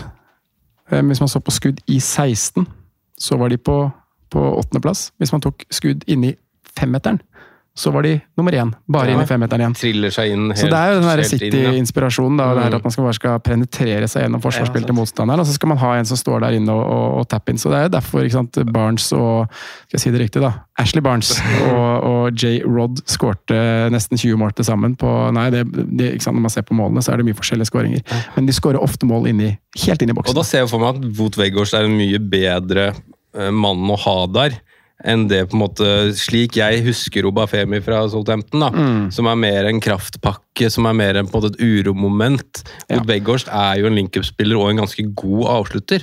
Eh, og så skjønner jo alle, det tror jeg også Vincent Company og Burnley også forstår, når han får et lånetilbud fra Manchester United eh, om en sesong, at han skal få lov til å dra dit. Og så får sikkert Burnley en del penger for den låneavtalen, i forhold til det en championship-klubb, og så får de tilbake i det de håper skal bli et opprykk. Mm. Så jeg vil jo egentlig tro, med mindre at det er en klubb som er betydelig bedre enn Burnley, at han er egentlig fornøyd med å være tilbake fordi det er Premier League. Ja. Og det var jo også noe som jeg så et leste et intervju med han nå forrige uke, at han, han virka jo egentlig ganske positiv til å være nå plukke opp hansken i det Burnley-laget. Og, og som du sier, da, så det må jo være et inspirerende prosjekt å være med på. Når du ser en klubb som faktisk omvelter så mye som de har gjort i fjor i championship. Eh, og spiller den type fotballen som faktisk nok da kan passe Vegårst eh, ganske bra. Og um, Michael Obafemi, det, han fikk tolv kamper i, gjennom eh, våren. og det var liksom, Han var ikke i nærheten av å utfordre de to ringrevene som var der, i tillegg til at Tella var også en som vikarierte litt på spiss når, når det var eh, behov for det. Så, så sånn jeg ser det nå, så er det um, Rodriguez har jo plassen, men Uh, Vegårst blir kjempespennende å følge med på. Og så er også, også Lyle Foster, som er prisa til fem blanke, en som, eh, som Burnley-fansen sier Følg med, følg med. Han kan, han kan bli noe, selv om han heller ikke har noe historikk med, historikk med å skåre så veldig mye mål. Da. Uh, sånn ellers på overgangsfronten så har det ikke det har, ikke, det har ikke skjedd så mye. Det er da Jordan Bayer som har blitt permanent fra München Gladbach. Det er O'Shea som, som Simen nevnte her i stad, har jo kommet inn fra West Bromwich. En spiller som har mye Premier Premier League-minutter i seg. Eh, og så er det noen par, eh, par spillere som har eh, som har gått ut. da. Eh, Ashley Barnes har jo gått til Norwich på free transfer. Will Norris har gått. eh, Et par andre som, eh, som ikke egentlig er verdt å nevne. Eller det er kanskje verdt å nevne Matthew Loughton, som har vært en tidligere Ja, helt faktisk, det er jo faktisk litt trist. Ja, så, så det hadde vært, sjarmerende å ha hatt han, hatt han med. Men jeg er spent på det prosjektet her, fordi mm, først og fremst alt du nevner med Company og skolen og Mm. alt man har hørt. Eh, Jeg skal innrømme at jeg har ikke sett så mye, men Mm. jeg har hørt en del. Jeg tror vi kommer til å bli veldig, De som ikke har sett, jeg kommer til å bli veldig overraska. Nå har jeg hatt gleden av å se litt. Og så har man, slik jeg leser stallen, en ganske god miks med rutine. Mm. Altså Man har Rob, eh, Det er vel Connor som er fornavnet der, ja. Connor Roberts i, i, i bakkerekker, og man har godeste Charlie Taylor der ennå, som i hvert fall kan bidra til noe Mm. der, da. Jack Corks F. Eh, yes, jeg kommer, jeg kommer, Midtbanen er jo bra besatt med rutine. Brownhill var jo bra når han spilte der i Premier League. Han likte jeg veldig godt, ja. selv i et ganske kjedelig, kjedelig Burnley. Og han tror jeg han har liksom fått en litt sånn Når du snakker om Burnley før og hvordan de spilte, så Brownhill ble misbrukt. Ja. På en måte, For han er en mye mer fotballspiller enn det vi husker Brownhill som. Vi husker Brownhill som en fire-fem-spiller fra Burnley som liksom, han var kjedelig. Men han hadde mye fotball i seg, og Ja, det, fordi- han fått, det får han frem mer nå, da. Han kom fra Ipswich eller noe sånt. Jeg tror han har ganske bra tall da han kom fra Ipswich Mm. den eh, januar Det Burnley-laget som rykka ned, så var det jo egentlig ni kjøttspillere, eller åtte, da, Pope ikke omtales som det. eh, Åtte utspillere som var kjøttspillere, så hadde vi Westwood og, og Brownhill på midten, Mm. som var på en måte en hybrid. Mm. Eh, De var også litt kjøttspillere, men, men de hadde på en måte litt flair og finesse, da. Eh, Jeg overdriver litt, da, for det var jo noen kantspillere der også som Men dere skjønner på en måte poenget mitt, da. Så Nei, jeg er litt, jeg er litt spent, fordi synes egentlig troppen på papiret virker å ha bra med rutine. Jeg synes det er spennende stoppere inn, og det er jo viktig Mm. prioritering å kjøpe to stoppere. og Så får man se hva annet de klarer å lirke ut seg. Jeg vil tippe det kommer et lån eller to, men å Venstrebekken er kanskje den som er mest kritisk, eh, kritisk akkurat nå, da. Med, med Madsen der i fjor som, som har gått tilbake til Chelsea. Det er jo, jeg nevnte jo ikke han Vitinho som, som eh, figurerte litt på venstre bekk og venstre kant, for så vidt også i vidt det var mitt fjor. spørsmål til deg, fordi Charlie Taylor koster jo fire blank. Han også. Og han var, jo venstre, har jo vært venstreback hele tida, Mm. eh, siden han kom fra Leeds. Og så Vitinho, hvis han er venstreback, han koster jo fire-fem. Ja, han har jo den plassen til nå. Dem, ja. ja. Uh, men eh, et flust av ubeskrevne blad i disse tre første eh, nyopprykka Mm. lagene som, eh, som Mhm. vi skal bli kjent med, og få god tid til å bli kjent med, ikke minst. Så vi får jo også en preseason med camps både her og der eh, den kommende tida. Men de to siste lagene for denne episoden er jo litt mer kjente lag i Everton og Nottingham Forest. Først må vi jo plassere Burnley. Yes, The Clarets på tabellen i forhold til Eller i forhold til, blir det riktig? Nei, sammenligna med Nei. I, eh, hvor, hvor, er det, hvor er det med, med, med Luton og Sheffield United? Jeg har de over begge to. Nå sier det kjedelige svaret, og Ja. det er eh, at de nyopprykkede lagene ender i den rekkefølgen. Eh, De Ja, de gjør kanskje det. de gjør faktisk det, altså på årets tips. Kvaliklaget først, altså. ja. Men det er vel kanskje det laget i midten her, da, Sheffield, som har eh, United. Sheffield United, som har Ja, det det- Du skal få- den. Ja. En time spilt inn, og vi har 150 i kassa allerede. Det, rakk det, å melde på blir bra julebord. Det blir bra julebord. Ja. Nei, det jeg skulle si at De har kanskje de, de største økonomiske musklene, eller? Potensialet til å ha de største Det økonomiske har vært et musklene. rør. Det vet jeg det- faktisk ikke. Men Men for Luton har jo ikke muskler. Nei. Det, er sånn, det vet vi at de har ikke. Burnley er litt mer sånn Nei, men det er også som det, det, det, det snakkes om i Sheffield United. De også har uh, problemer. Derav kun den ene signeringa fra Brøndby for to millioner pund. Ja. eller hva det var. Så det, de har det muligheten til å selge litt, da. Det har vel vært rykter på Sander Berge, har det Sander. Berge ut uh, Og så har de jo lånt ryktene til Liverpool har jo vært der i fem år. Ja. Og så har de jo lånt de to altså de to viktige De lånte lånt jo også to City-spillere. I, i eh, McAtee og Doyle, eh, som spilte sentralt. og spilte jo nesten Alle klubber låner fra Manchester City. Det er jo helt Så de, har jo, de er jo i trøbbel, mm. syns jeg. Men uh, vi står fint her. Vi tar oss en liten pause-pause, og så er vi tilbake med Daish og Everton. Fra Burnley og Dyche Nei, fra Burnley til Dyche Ja, og Everton det er blir mer riktig. Det, de, de henger litt sammen. Det er en lang historikk der. Med kniven på strupen vrei de seg unna nok en sesong, eh, Simen. Og med gode grunner så er de faktisk på folks lepper likevel, her vi står på startstreken.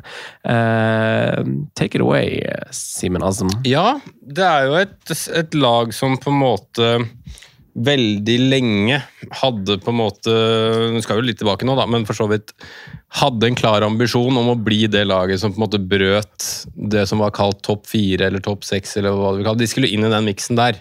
Det har på en måte vært Evertons uh, jag, Evertons ambisjon. McHale og Fellaini uh, og Ja, og det har vært pumpa inn penger, det har vært høye lønninger, det har vært eh, eh, etter Moyes i hvert fall en evig trenerkabal, det har vært stjerner inn, det har vært litt av hvert. Eh, og, det virker som at det er en hangover nå som på en måte ikke tar slutt. Eh, Det virker som det er et prosjekt som ikke har noen klare lederprofiler som drar i riktig retning.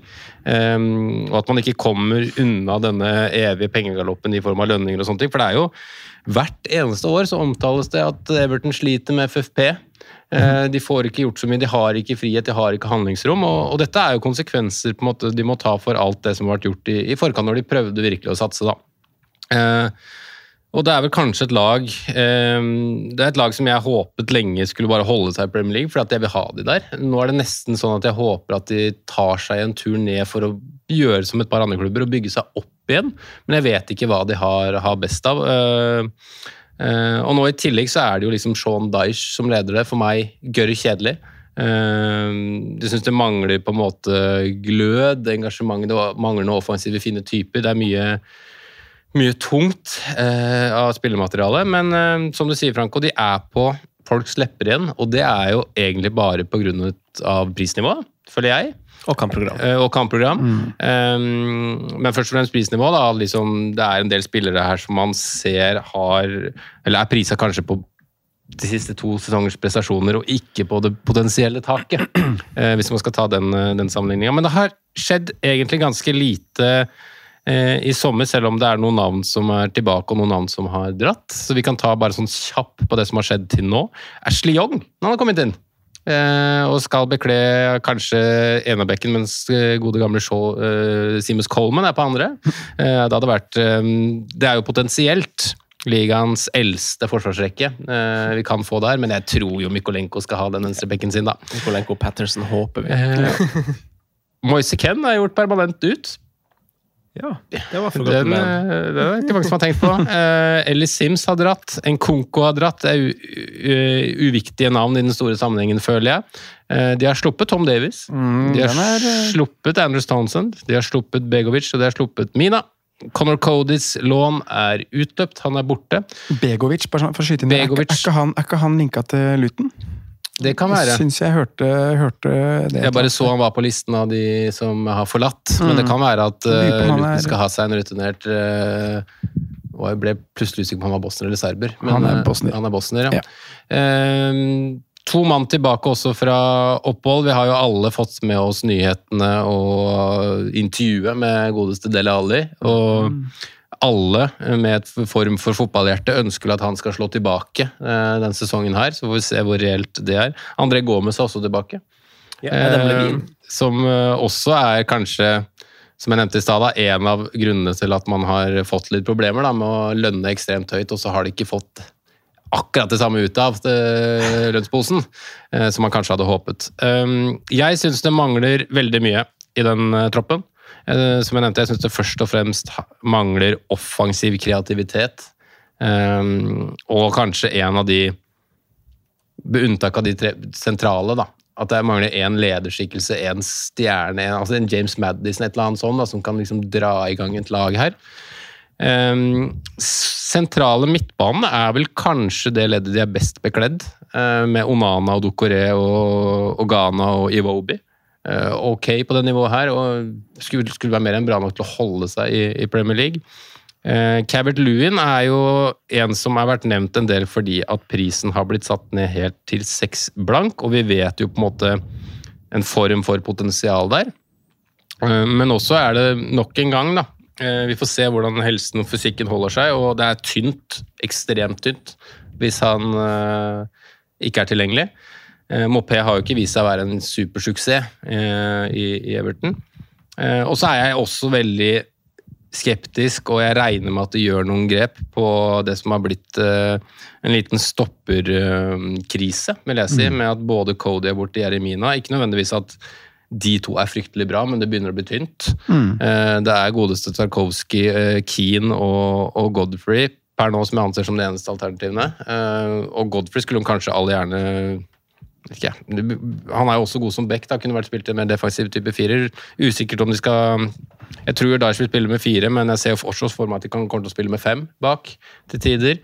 eh, Ut fra hvordan resten av er, eh, troppen er bekledd. Så jeg er ikke veldig optimist, men jeg har det ikke som på en måte klar dumpekandidat heller. Jeg syns bare per nå at den Everton-troppen er veldig trist, veldig kjedelig. Eh, Det virker jo som at Jordan Pickford-ryktene om at han skal forlate skuta, ikke eksisterer akkurat nå. Og det tror jeg er viktig for dem, for det anser han som både en av de beste valgene på, på Fantasy, men også en av lagets viktigste spillere. Programmet som du var inne på, Franco, det er egentlig ganske bra, det. Eh, Det starter med eh, Fullheim hjemme, eh, og så er det en sånn ok første fire, hvor du, har, hvor du da har med bortekamp mot Aston Villa og Sheffield United. United og Wolverhampton hjemme. Så er det to tøffe, synes jeg, med Arsenal og Brentford, og så er det to kremkamper i 7 og 8. Så det kan være noen varianter her hvor du kan lirke deg inn en i rotasjon. eh, Et eller annet sånn. Jeg så med en gang jeg åpna spillet at Holgate var 4-0, men han spiller Han er jo også unna den lagoppstillinga. Eh, Men jeg syns jo Pickford kan være et alternativ, da. Eh, For vi vet at det er en del redninger i han. Vi vet at det kan være potensielt både bonus og strafferedninger og de tinga der. Og han havna vel ganske høyt også, når man går sånn summa summarum på keeper i, i fjor. Han havna på en sånn åttendeplass eller noe sånt, med 124 poeng, rett bak eh, Fabianski og foran Ederson. Så det er jo et ok al al alternativ. Um, men jeg tror det er fire-fem keepere som, som slo han i fjor, så var det kun Leno og Fabianski, da, av de som prisa 4-5 i år. Så um, han og Kevert Lewin er de jeg har notert som aktuelle, egentlig, fra, fra fra start. Jeg regner med at det kommer til å skje noe på, på vinduet, men jeg vet at de sliter litt med eh, situasjonen. Og ja. Ja. oh, ja. Kjør debatt på Everton. Sondre, innspill på Dominic Helvert-Lewin. Jeg vet at du er den av oss som har snakka han eh, hvis du ikke, Eller hvis vi snakker om annet, Everton, må du gjerne gjøre det, men du var den som klarte å melde Den har vokst mer på meg siden du nevnte det. Ja, men det er jo, ikke sant, det er jo som Simen sier her, det er jo det potensialet i han. Og det vi vet han, han kan levere om han er skadefri. I, kombinert da med, med kampprogrammet som er, eh, som er veldig bra fra starten av. Men eh, igjen da, så har det vært veldig mye surr med Dominic Albert-Lewin de siste åra. Det har vært mye skader. Eh, han har vært, kommet tilbake, og så har han slått opp ting. Og så har det sikkert vært nye ting også. Jeg har ikke helt eh, kontroll på Og så har det vært hva litt det har vært. kaos når han har kommet tilbake. I på en måte Everton i tabellposisjon. Ja, det har de også, for så vidt. Eh, Men hvis man ser på liksom rene minutter de to siste sesongene, da, så er det 1100 minutter i fjor og 1200 minutter året før der. Men det er jo sesongene i forkant av det igjen man tenker liksom kan være Kommer tilbake dit? 16 skåringer, 13 skåringer, 6 millioner. Da er, da er Dominic Calvert-Lewin et, eh, et kjempevalg. Eh, Men en annen jeg har lyst til å shoute litt, som hadde en veldig god innspurt, og som var en viktig bidragsyter eh, avslutningsvis, er Dwight McNeil. Eh, Tidligere Burnley-spiller, da, for så vidt. Men syv skåringer og fem assist. Veldig mye av det kommer jo etter jul. Eh, Og passer jo kanskje Dash-fotballen eh, veldig godt. Eh, Har innleggsfot, kommer til mye innleggsposisjoner. Tar vel også noen dødballer, så jeg syns han er en dark horse i 5-5-sjiktet. I hvert fall hvis de får i gang Calvert-Lewin, for han passer jo altså, McNeil passer jo bedre med å ha en å slå på enn å slå på, på en, en moped. som ikke er Ja. en like ruvende trussel på en måte i lufta. da. Han er litt sånn 100%. han Dwight McNeil. Ja. Han blir ikke ned, han. Klinker til fra 20 meter. Ja, han, har, han har bra tilslag, da. Ja, men han har det. Han har- eh, kan jeg, det er jo også litt av grunnen til at jeg mener at den troppen er litt kjedelig. da, fordi at eh, Dwight McNeil er fin, han, men han er jo ikke den som på en måte åpner et forsvar alene. På en måte, han er jo mer en som dunker inn på det som er, er veldig mm, eh, Bevegelser foran boks som er veldig trent på hele uka. Ja. Det er jo mer den type spilleren enn liksom en Dra tilbake til James Rodriguez, da, som var der en periode, som på en måte kan åpne opp et helt lang- eh, forsvar alene. da. Ja, jeg syns, i hvert fall eh, Everton har vokst på meg siden du dro det opp første gangen, eh, Sondre. Og Calvert Lewin han har jo helt eh, fantastiske tall når, han, spiller først fotball. spiller. Ja, Ja, han veldig gode. Og så ser jeg også på, hvis man skal se på de seks siste kampene for sesongen som gikk, så er det Everton fjerde best expected goals av samtlige lag i Premier League, hvis du ikke inkluderer straffer. Mm. Og femte mest skudd i boks. Så de er helt der oppe med de store gutta på, på offensive tall. Så McNeil var egentlig første navn på Everton-blokka mi. Og så så jeg intervju med Del Alli, så var det sånn Oi, hvis du er skadefri når sesongen starter, skal du være mann Det er jo det man drømmer om, ikke sant? at han skal blåse liv i karrieren sin igjen. Men jeg har, jeg har i hvert fall fire navn på blokka. De har også OK defensive tall, og så er det jo Dyche som er der, og vi vet hva han prioriterer. Og de møter, hvis man legger i godvilje her, eh, Sheffield United inn, så møter de jo eh, Altså, De møter tre av de svakeste lagene offensivt i løpet av de fire første kampene. altså ved unntak av Vesten Villa. Så det er en veldig god grunn til å velge Pickford til 4-5 i mål, syns jeg. Eh, og bare stå ved det. Så, så jeg synes, jeg har mange Everton-navn på blokka, og så yes, kan man jo stille seg spørsmål om man har tro på det eller ikke. Men eh, hvis de får noe, de kan få raske med seg en del poeng her på starten, og det er det de bør. Jeg har også Pickford inne, faktisk, i det som er, med draft nå. Men bare et kommentar til måte, de tallene dine, da, Franco, når du prater om XG for måte, slutten av sesongen i fjor med, med, med Sean Dice og Everton, så må man også legge til aspektene med liksom, hva situasjonen var. Altså, Everton kjempa jo for, med nebb og klør om å sk- skåre mål og, og, og måtte ha noe ut av hver kamp. Det er jo ikke scenarioet når vi starter runde én. Nei, nei, men det er fortsatt bra. Ja, det er absolutt bra, Eh, men man må bare påpeke Ja, noen og- ting også. For det er jo, som vi alltid prater om når man kan dra fram stats altså, ikke konsekvent, men veldig mange ganger så kan man presentere stats og vinkle den, den retningen man vil ha. Det er jo samme med overganger også. Altså Når man ser spillere, kan man sammenligne to priser, og så ja, han var mye bedre enn han, og så ler man av det. Men altså, det, alt er jo, det er jo mye mer komplekst enn det Ja, det er. ja, ja, 100%. Og, og, og sånne ting. Så Um, jeg, jeg, jeg blir svært overraska om Everton blir et godt offensivt lag når man liksom sammenligner med andre. Men at Cabert Lewin kan være uh, potensialet, at McNeil og at Jordan Pickford kan være gode enten hele sesongen eller deler av sesongen, det er jo utvilsomt uh, et potensial for det. Det syns jeg òg. Vi skal eh, ta en siste pause og ta eh, episodens aller siste Men lag. vi må sette Everton inn på tabellen først. Ja, thank you. Det er kanskje den første som er litt vrien, eller? Ja. Eller ikke vrien, men man skal kanskje ikke ta det inn på topp. Mm. jeg har dem på topp. Mm. Jeg tror det, jeg også, men jeg har egentlig lyst til å sende dem ned. men jeg blir med Franco på over Burnley. Og det har ikke du lyst til? Nei, jeg hadde lyst til å mikse opp litt her, da. men ja. jeg er helt med dere på det. altså. Ja. Og to mot én, det er, eh, det er eh, seier til to, det. Da tar vi en, eh, en liten pause tilbake igjen, og så er vi tilbake igjen straks. Nottingham Forest. Foreløpig så ligger handlevogna ute på parkeringsplassen til gode å bli plukka opp av noen sultne eiere, Sondre. Men vi antar det, er en slags sånn stille for stormen. For han der Snorlaxen snorleksen av en eier, han, han eh, må Eller kanskje han har lært av sine feil? Ja, kanskje han har lært av sine feil, eller, eller var det feil? Det kan jo også diskuteres. Det, det når laget. Ja, når laget kommer opp fra championship og holder plassen. Men, men, det er som du er inne på, da, det er jo laget vi både elsket og hatet litt gjennom fjoråret, Nottingham Forest. Eh, kom opp som underdog, en klubb med mye historie, og som man man gleda liksom seg til å få tilbake i, i, Premier League, og vi ble jo så smått forelska i laget gjennom preseason-episodene. Og så starta jo, starta jo kjøret, som du refererer til, Franco. Det blei Det, ble, eh, det eskalerte, og det blei henta inn 10, 15, 20, 30, 40 Jeg vet ikke hvor det stoppa på signeringer eh, gjennom eh, fjoråret. Eh, noen ble sendt på lån, eh, noen eh, ble værende i klubben, noen ble putta på U21-laget. og man, man, hadde ikke oversikt til slutt over hvor mange spillere Forest hadde i troppen sin. Og Det er vel nesten første gangen jeg måtte Det var nesten sånn at man måtte scrolle til tredje side på, på FPL der når de skulle liksom liste opp Nottingham Forest-troppen. Så, så, det var mye spillere. Men du må fortsatt scrolle til side to, og det er sju-åtte navn der også. Ja, så det er fortsatt et stort, stort tall. Altså. Ja, um, men likevel da, så, så, klarte de å holde plassen. og jeg synes noe av det, mest, eh, det jeg likte best med Premier League-sesongen i fjor, var jo liksom den perioden hvor, hvor Forest slet. De, de tapte mye kamper. Uh, men likevel så signerte de ny kontrakt med, med Cooper.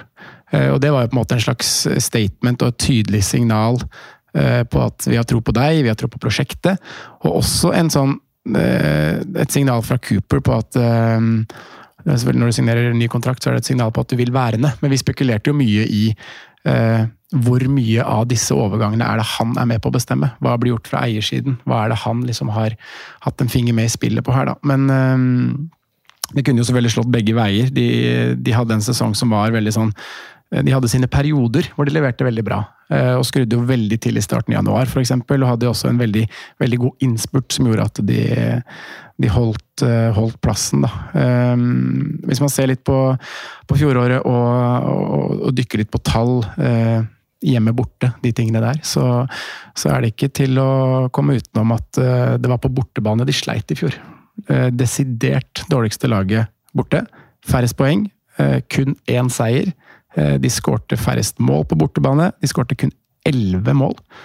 og de slapp inn desidert flest skåringer, med 44. 19. 11 mål på Dæven, del lavt snitt. Mm. Og... Ta forsvarsspillerne dine mot Nottingham Forest når de kommer på besøk. ja, At vi ikke targeta den uh, oftere enn det vi gjorde. Uh, og så slapp de inn da 44 òg, så det er ganske høyt antall uh, med baklengs på, på bortebane. Hjemmetabellen mer solid. Tiendeplass. 8-6-5. Målforskjell på, på 27-24 på hjemmebane. Eh, men de hadde god uttelling, og de hadde også en del, en del flaks i enkelte kamper. altså. Eh, hvis man dykker liksom under eh, de overfladiske tallene her og ser på underliggende tall, så, så var Forest det laget som slapp til tredje flest store sjanser. De hadde tredje flest skudd i boks imot seg, og de hadde den nest høyeste XG-en imot på, på, hjemmebane i fjor. Men, men likevel, da, kun 24 baklengs. En del tur, noen veldig gode keeperprestasjoner.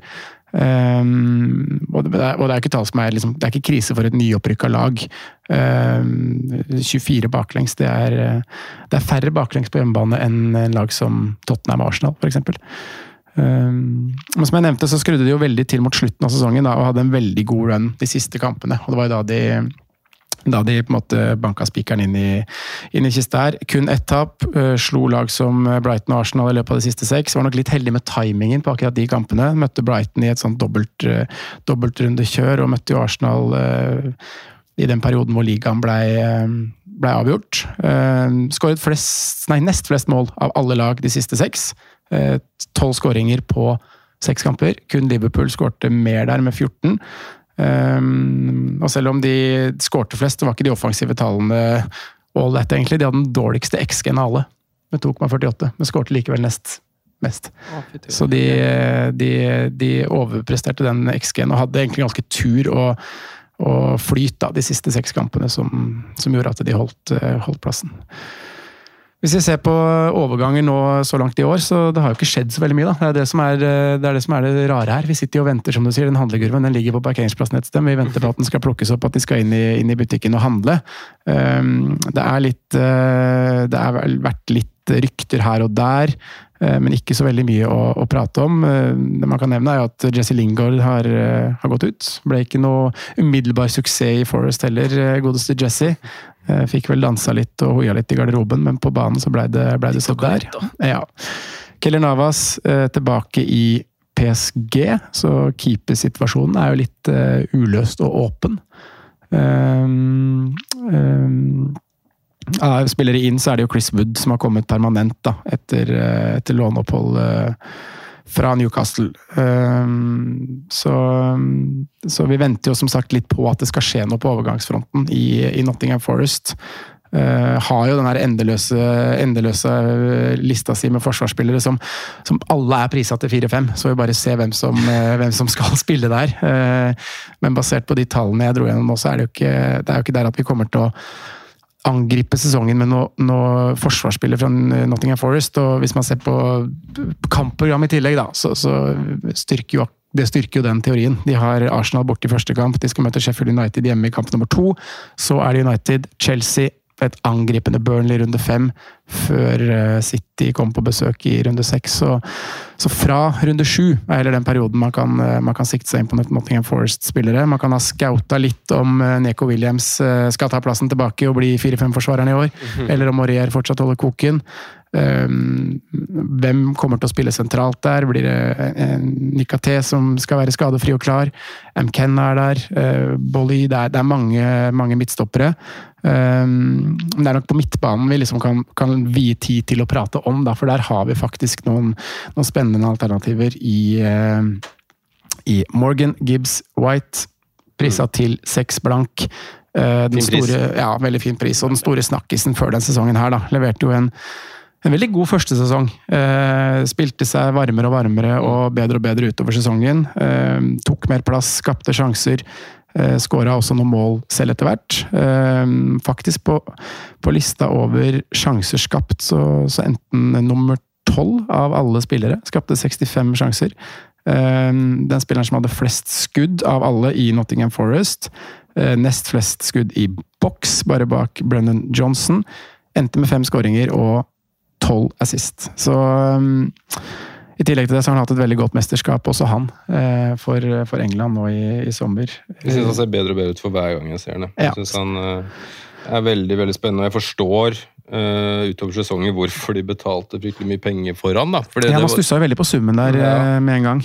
Man gjorde det. Mm. Så, Også veldig steady på minutter, da, lite skadeplaga og den type ting. Så, så, er det som du sier, da, kjipt da, med at uh, de har jo mm, de seks første kampene. Det er ingen som har tøffere program enn Nottingham Forest. De skal, mm -hmm. de skal til Emirates, de skal til Trafford, de skal til Stamford Bridge og de skal til uh, uh, de skal til Etiad, Etiad ja. ja. Um, hva var det jeg sa på, på Arsenal, da? Uh, Emirates. Emirates jeg, sa et, jeg sa Etiad på Arsenal, tror jeg. Ja, jeg tror de skal ha fire bort, tøffe bortematcher mot uh, det som kan være topp fire. Så um, mm blir tungt. Han var, han var første navn på evalueringsskjemaet mitt. For mm. Jeg antok han kom til å komme inn til den prisen her fordi at veldig masse av det han gjorde bra, ble ikke representativt i tall. Altså i mål og Så jeg tenkte sånn, En gang etter sesongen var ferdig, sånn, Morgan Gibbs White han kommer til å komme inn et sted mellom 5-5 og 6-5. Mm. Uh, for Nottingham Forest har gjort det dårlig. liksom Tallene hans er ikke sånn supergode. Hvis programmet der blir bra, rett inn. Mm. Men nå har de jo begynt å de har jo sikkert gjort det allerede, men i UI i, i Fantasy nå, så har de jo lagt inn XG og XA. Mm. Eh, som gjør at man liksom kan se de tallene der også, ikke bare på andre sider og bak betalingsmurer og via oss fra podkast og de tingene der. Eh, så jeg vil jo kanskje tro at det også påvirker i større grad da, enn det det kanskje mm. har gjort, gjort før. Men eh, jeg må si jeg syns prisen var overraskende lav. Jeg syns den var veldig fin. Eh, og han blir nok en favoritt eh, i enda større grad enn i, fjor. Jeg hadde den jo inne en del, del, i fjor og var litt uheldig fordi at han leverte når man så på liksom, Du hadde den inne, inne, inne og inne, du. Du, du, hadde, du hadde den på benken. Ja. og så kjørte han vel ut på chips og sånn i runden han leverte. Altså, han leverte jo i, i de tøffe kampene i den perioden jeg eide han. Og så leverte han ikke kanskje de åpenbare hjemmekampene. og sånne ting. Han leverte vel 1 pluss 1 på, på, Anfield, hvor jeg kjørte skip. Og, ja, og litt sånne ting. Sånn så det var um, litt sånn tilfeldig. Men ja. han underpresterte jo i fjor, føler jeg. Selv om han endte med egentlig en ganske ok pakke med, med både skåringer og assist i fjor. Ja, og han er jo en, han er jo en skapende spiller, da. Så det er jo liksom han, han som, I tillegg til at han har tolv assist, så har han et par mål selv òg. Så jeg tror absolutt han kan være um, en som er inne i laget når den uh, stygge rekka med, med Emirates og Etihad og det som er Simen er unnagjort der de første seks kampene. Kjøp han til 5,9 på For eksempel. Men er det jo- det er flere midtbanespillere i Nottingham Forest som er spennende. altså. Vi har en Brennan Johnson som er flytta et hakk ned. Det er sexy. Det er sexy. Ja, det er samme. Enig. Han har gått fra å være spiss til å bli midtbanespiller. Eh, fått fri, prislappen seks blank, også han. Eh, åtte skåringer, fem assist i fjor. Eh, har vært mye prat om han i sommer, uh, linka til Brentford blant annet. Og, og da tenker jeg, da, da blir han jo enda mer aktuell, Ja. hvis han går til Brentford. Vi vet at Tony er ute der uh, i en lengre periode, så, så da er det liksom bye bye MVMO, kanskje, som han har snakka veldig mye om i sommer, hvis Brent, eh, Brennan Johnson skal inn og spille, spille spiss i Brentford. Men enn så lenge så er han i Forest. Eh, jeg har Men de, Gibbs White foran. de ryktene også er jo ikke sånn at de, de var, og så er de borte. De er jo der fortsatt. Ja, de lever. Og det var vel, jeg lurer på om det var senest i går, at det var rykter om at det skulle komme et konkret bud der. Ja. Uh, og det kan jo på en måte gå begge veier for Nottingham Forest også, for, fordi at de har en storstall, de har spillere, og de har på en måte potensial til å hente flere også, men, Mm. men jeg håper jo litt at han blir, da.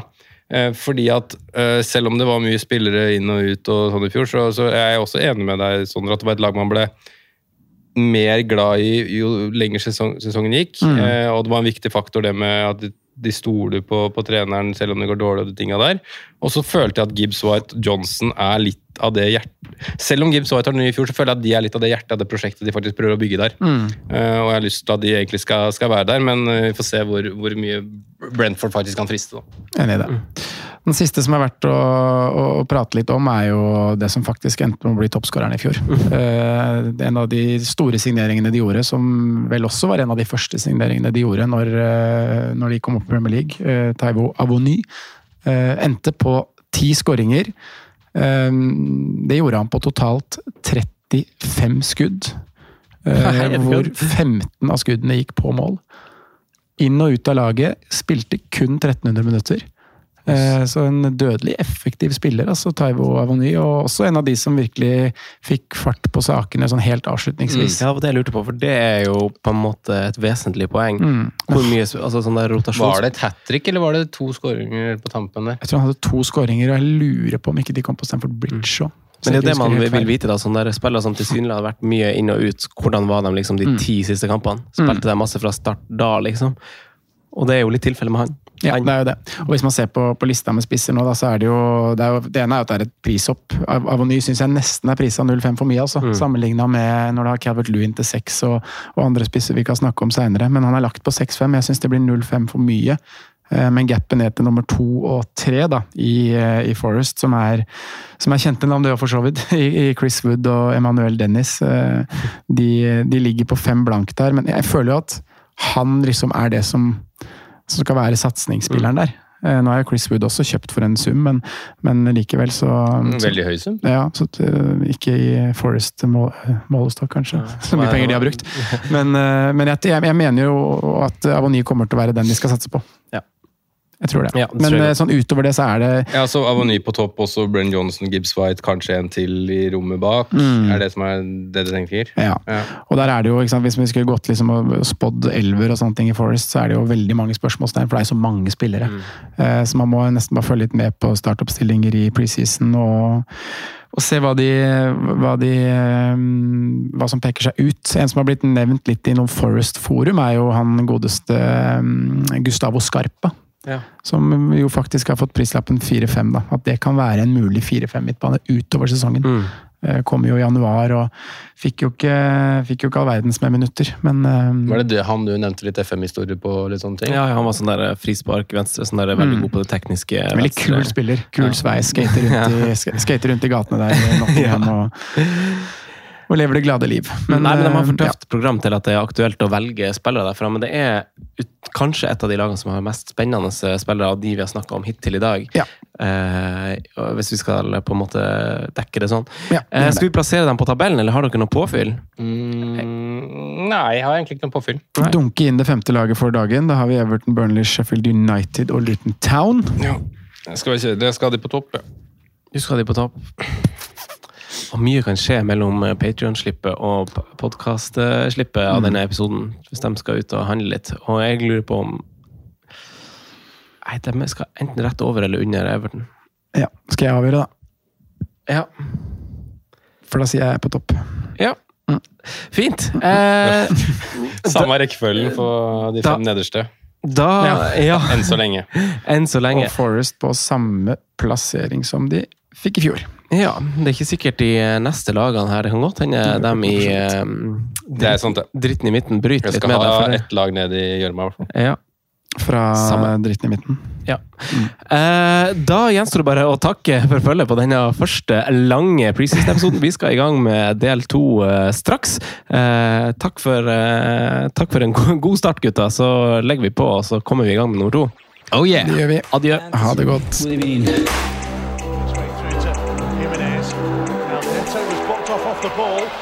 Might go in. God evening.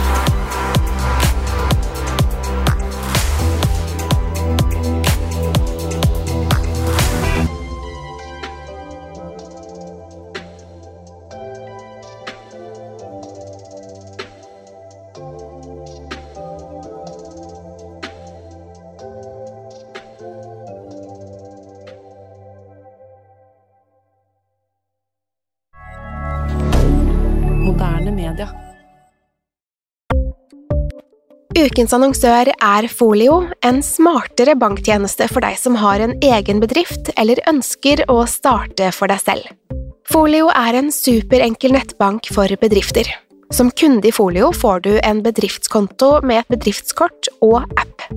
I denne appen er det smarte løsninger som forenkler regnskapet ditt, uansett om du har en liten bedrift eller et enkeltpersonsforetak. Folio er både intuitivt og brukervennlig, og er laget med et enkelt språk. I tillegg tilbyr de forutsigbare priser og ingen skjulte gebyrer. Skulle du likevel trenge det, så kan du snakke med deres raske og hyggelige kundeservice, og der får du prate med en faktisk person og ikke en chatbot. Folio er med andre ord både enklere og koseligere enn banken. Over 10 000 bedrifter har allerede valgt Folio som sin banktjeneste, så besøk folio.no og se hvordan Folio kan forenkle din hverdag også. Har du et enkeltpersonforetak eller en liten bedrift? Da er du sikkert lei av å høre meg snakke om hvor enkelt det er med kvitteringer og bilag i fiken, så vi eh, gir oss her, vi. Fordi vi liker enkelt. Fiken superenkelt regnskap.